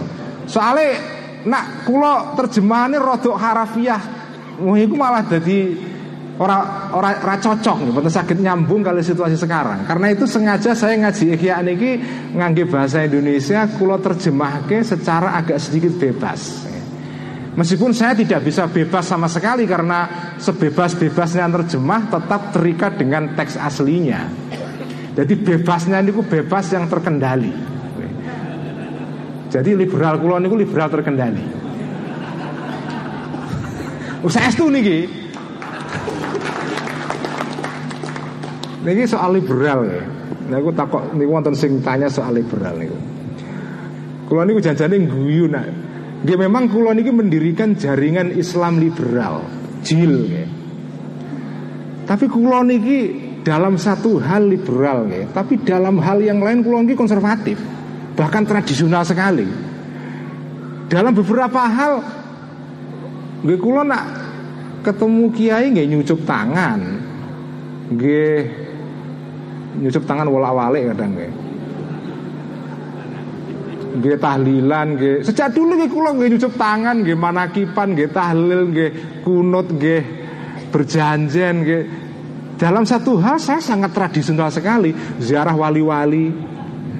Izin-izin niki rencana kula ziarah wali-wali sekitar Gresik mriki nggih. Kula nak ngaji ikhya selalu setelah ikhya niku program kula adalah ziarah ziarah wong mati dan wong urip karo karone sing kata malah wong sing mati sing kula ziarahi terus dalam satu hal kula nggih tradisional konservatif ya mengikuti tradisi NU niku ziarah wali-wali. Tapi dalam hal yang lain saya bisa liberal termasuk tadi dalam soal agama semua sama. Ya saya memang pandangannya ngoten niku karena setelah saya pelajari semua agama niku janjane intinya niku sama. Boten semua benar loh, okay? Saya bilang agama semua sama. Benar tidak niku urusan lain. Tapi setelah saya pelajari semua agama niku intinya sama. Intinya yaitu bagaimana manusia itu bisa menemukan jalan kepada kebahagiaan yang sesungguhnya. As-sa'adah jenengan pelajari agama Hindu, agama Buddha, agama Kristen, agama Konghucu, Taoisme, ini semua adalah jalan menuju kepada bagaimana manusia bahagia. Tidak saja agama, filsafat Yunani ini loh. Nah jenengan baca filsafatnya Aristoteles kali Plato. Ini salah satu tema besarnya adalah bagaimana cara manusia mencari kebahagiaan.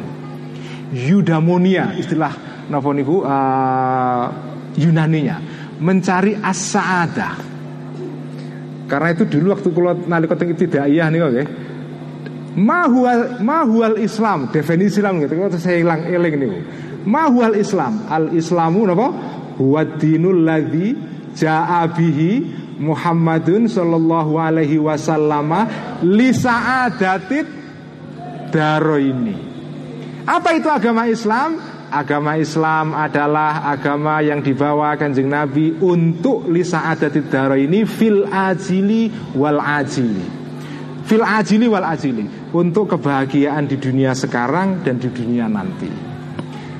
Saadah kebahagiaan. Itulah inti semua agama. Dan setelah saya pelajari karena nalika kula tengah Amerika sekolahnya tenggene perbandingan agama. Setelah saya pelajari semua agama ya intinya itu. Intinya nggih intinya niku sama. Jelas saja agama niku beda-beda, tapi intinya substansinya niku niku sama, memberikan jalan kepada orang untuk mencari kebenaran. Eh, kebahagiaan. Soal benar tidaknya wallahu alam bisawab. Menurut orang Islam yang ini benar. Menurut orang Kristen yang itu benar. Menurut orang Hindu yang itu yang benar. Saya tidak bicara kebenarannya. Saya bicara kesamaan substansinya. Nah dalam hal ini mungkin pandangan saya liberal. Tapi di dalam hal nyucup kiai tradisional Dalam hal ngaji ikhya nah, Jenengan Ya niki wow jenengan Mirengake kula ngawas ikhya niku liberal apa tradisional niku Ora jelas dari nggih. Mboten jelas niki. Nggih, nek kula mestani nggih tradisional niku wau. Kula ngaji iki nggih ngeten niki, enggak dan mau wonten sing bertanya niku Kiai Nawawi, Mas ini ngaji ihya sebetulnya memanfaatkan ihya untuk menutupi keliberalannya atau ihya beneran dia memang ngaji ihya. Kayak Nggih kula ngaji ihya nggih nggih sak wonten sak anane ngeten niku. Apa yang saya katakan inilah yang saya yakini. Tetes terserah jenengan mestani kula liberal nopo konservatif nopo tradisional. Nggih kadang-kadang kula liberal kadang-kadang tradisional kadang-kadang nggih moderat nggih.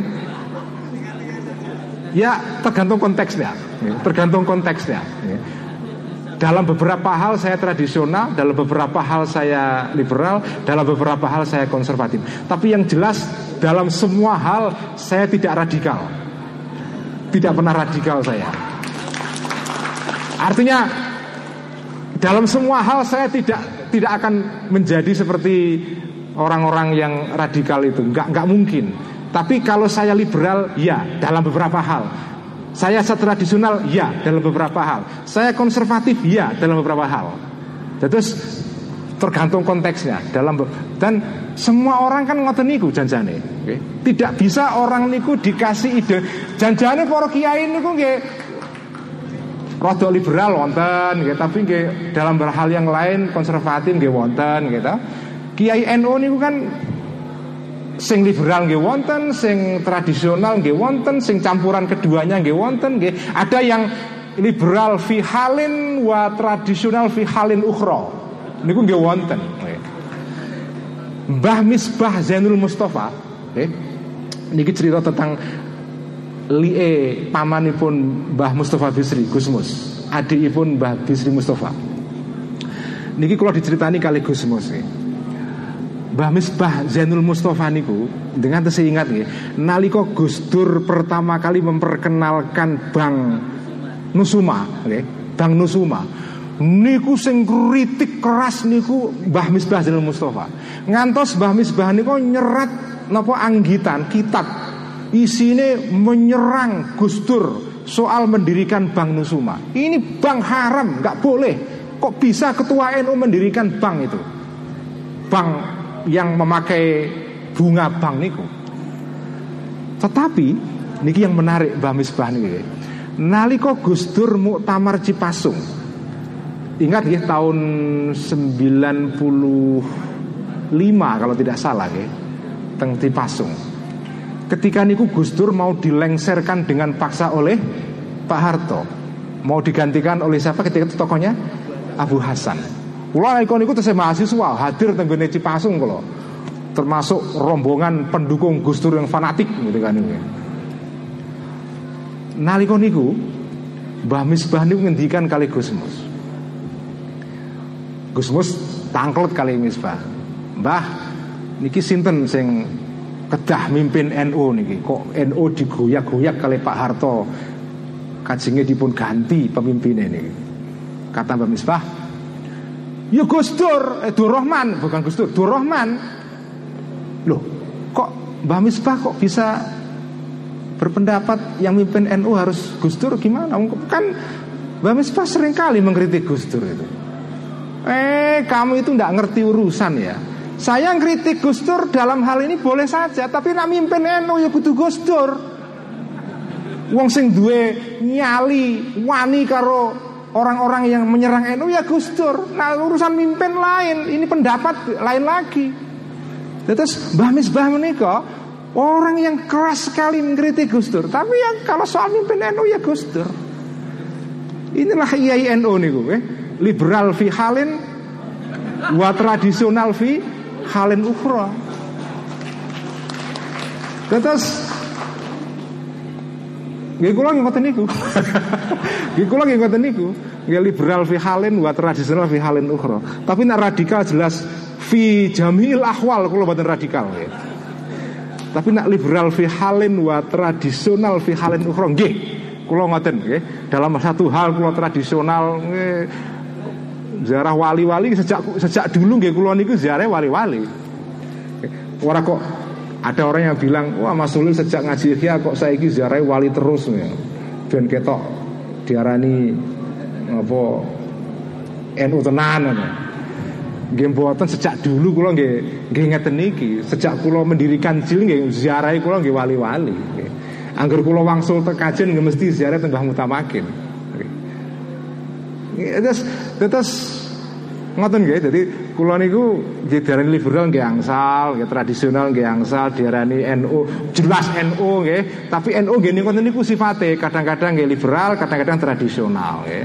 Di dalam hal Ki Ahmad Siddiq Nah, Ki Ahmad Siddiq yang merumuskan khitoh Nahdlatul Ulama niku.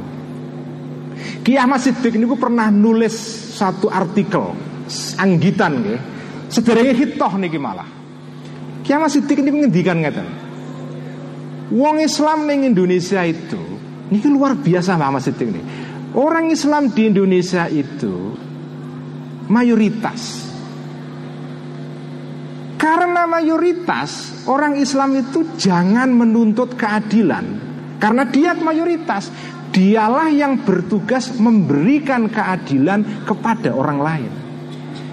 Wong kue mayoritas kok nuntut keadilan Kue sing wakeh jumlahnya kudu ngei keadilan karo wong liya Nak kue minoritas nggak apa-apa menuntut keadilan Tapi karena kamu mayoritas Kamu harus memberikan keadilan kepada orang lain Itulah Kiai Mas Siddiq.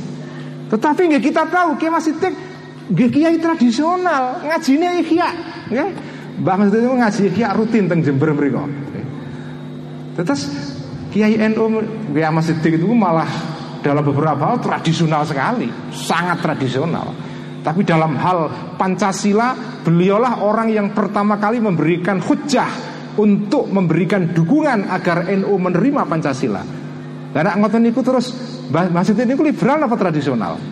Gih liberal fi halin wa tradisional fi halin ukhra. Terus ngoten kesimpulan pengajian menika niku malah orang ngaji ya ini kita kan dindi ya. Tapi kalau nak ngaji ya niku sing malah sing ditunggu niku sing sing dindi ngeten niki malah. Nah sing kiai malah nggak mati tertarik.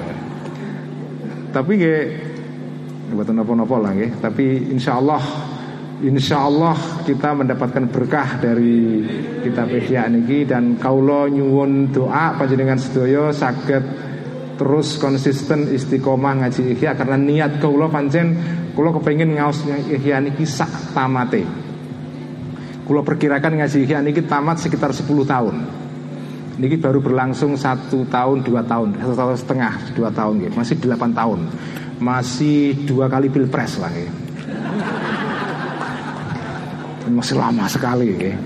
Kalau nyuwun doa semoga kaulo sakit istiqomah konsisten diparingi umur panjang kesehatan sehingga bisa membagi hikmah dan kebijaksanaan kitab Ihya yang luar biasa ini bagi bangsa Indonesia karena saya yakin kulon ini gadah keyakinan pribadi kitab Ihya ini kalau difahami dengan sungguh-sungguh itu bisa menuntun bangsa ini kepada kondisi sifat yang tadi itu moderat, tidak radikal dan Indonesia menjadi negara yang betul-betul menikmati Islam sebagai rahmatan lil alamin. Itu lewat ihya ini.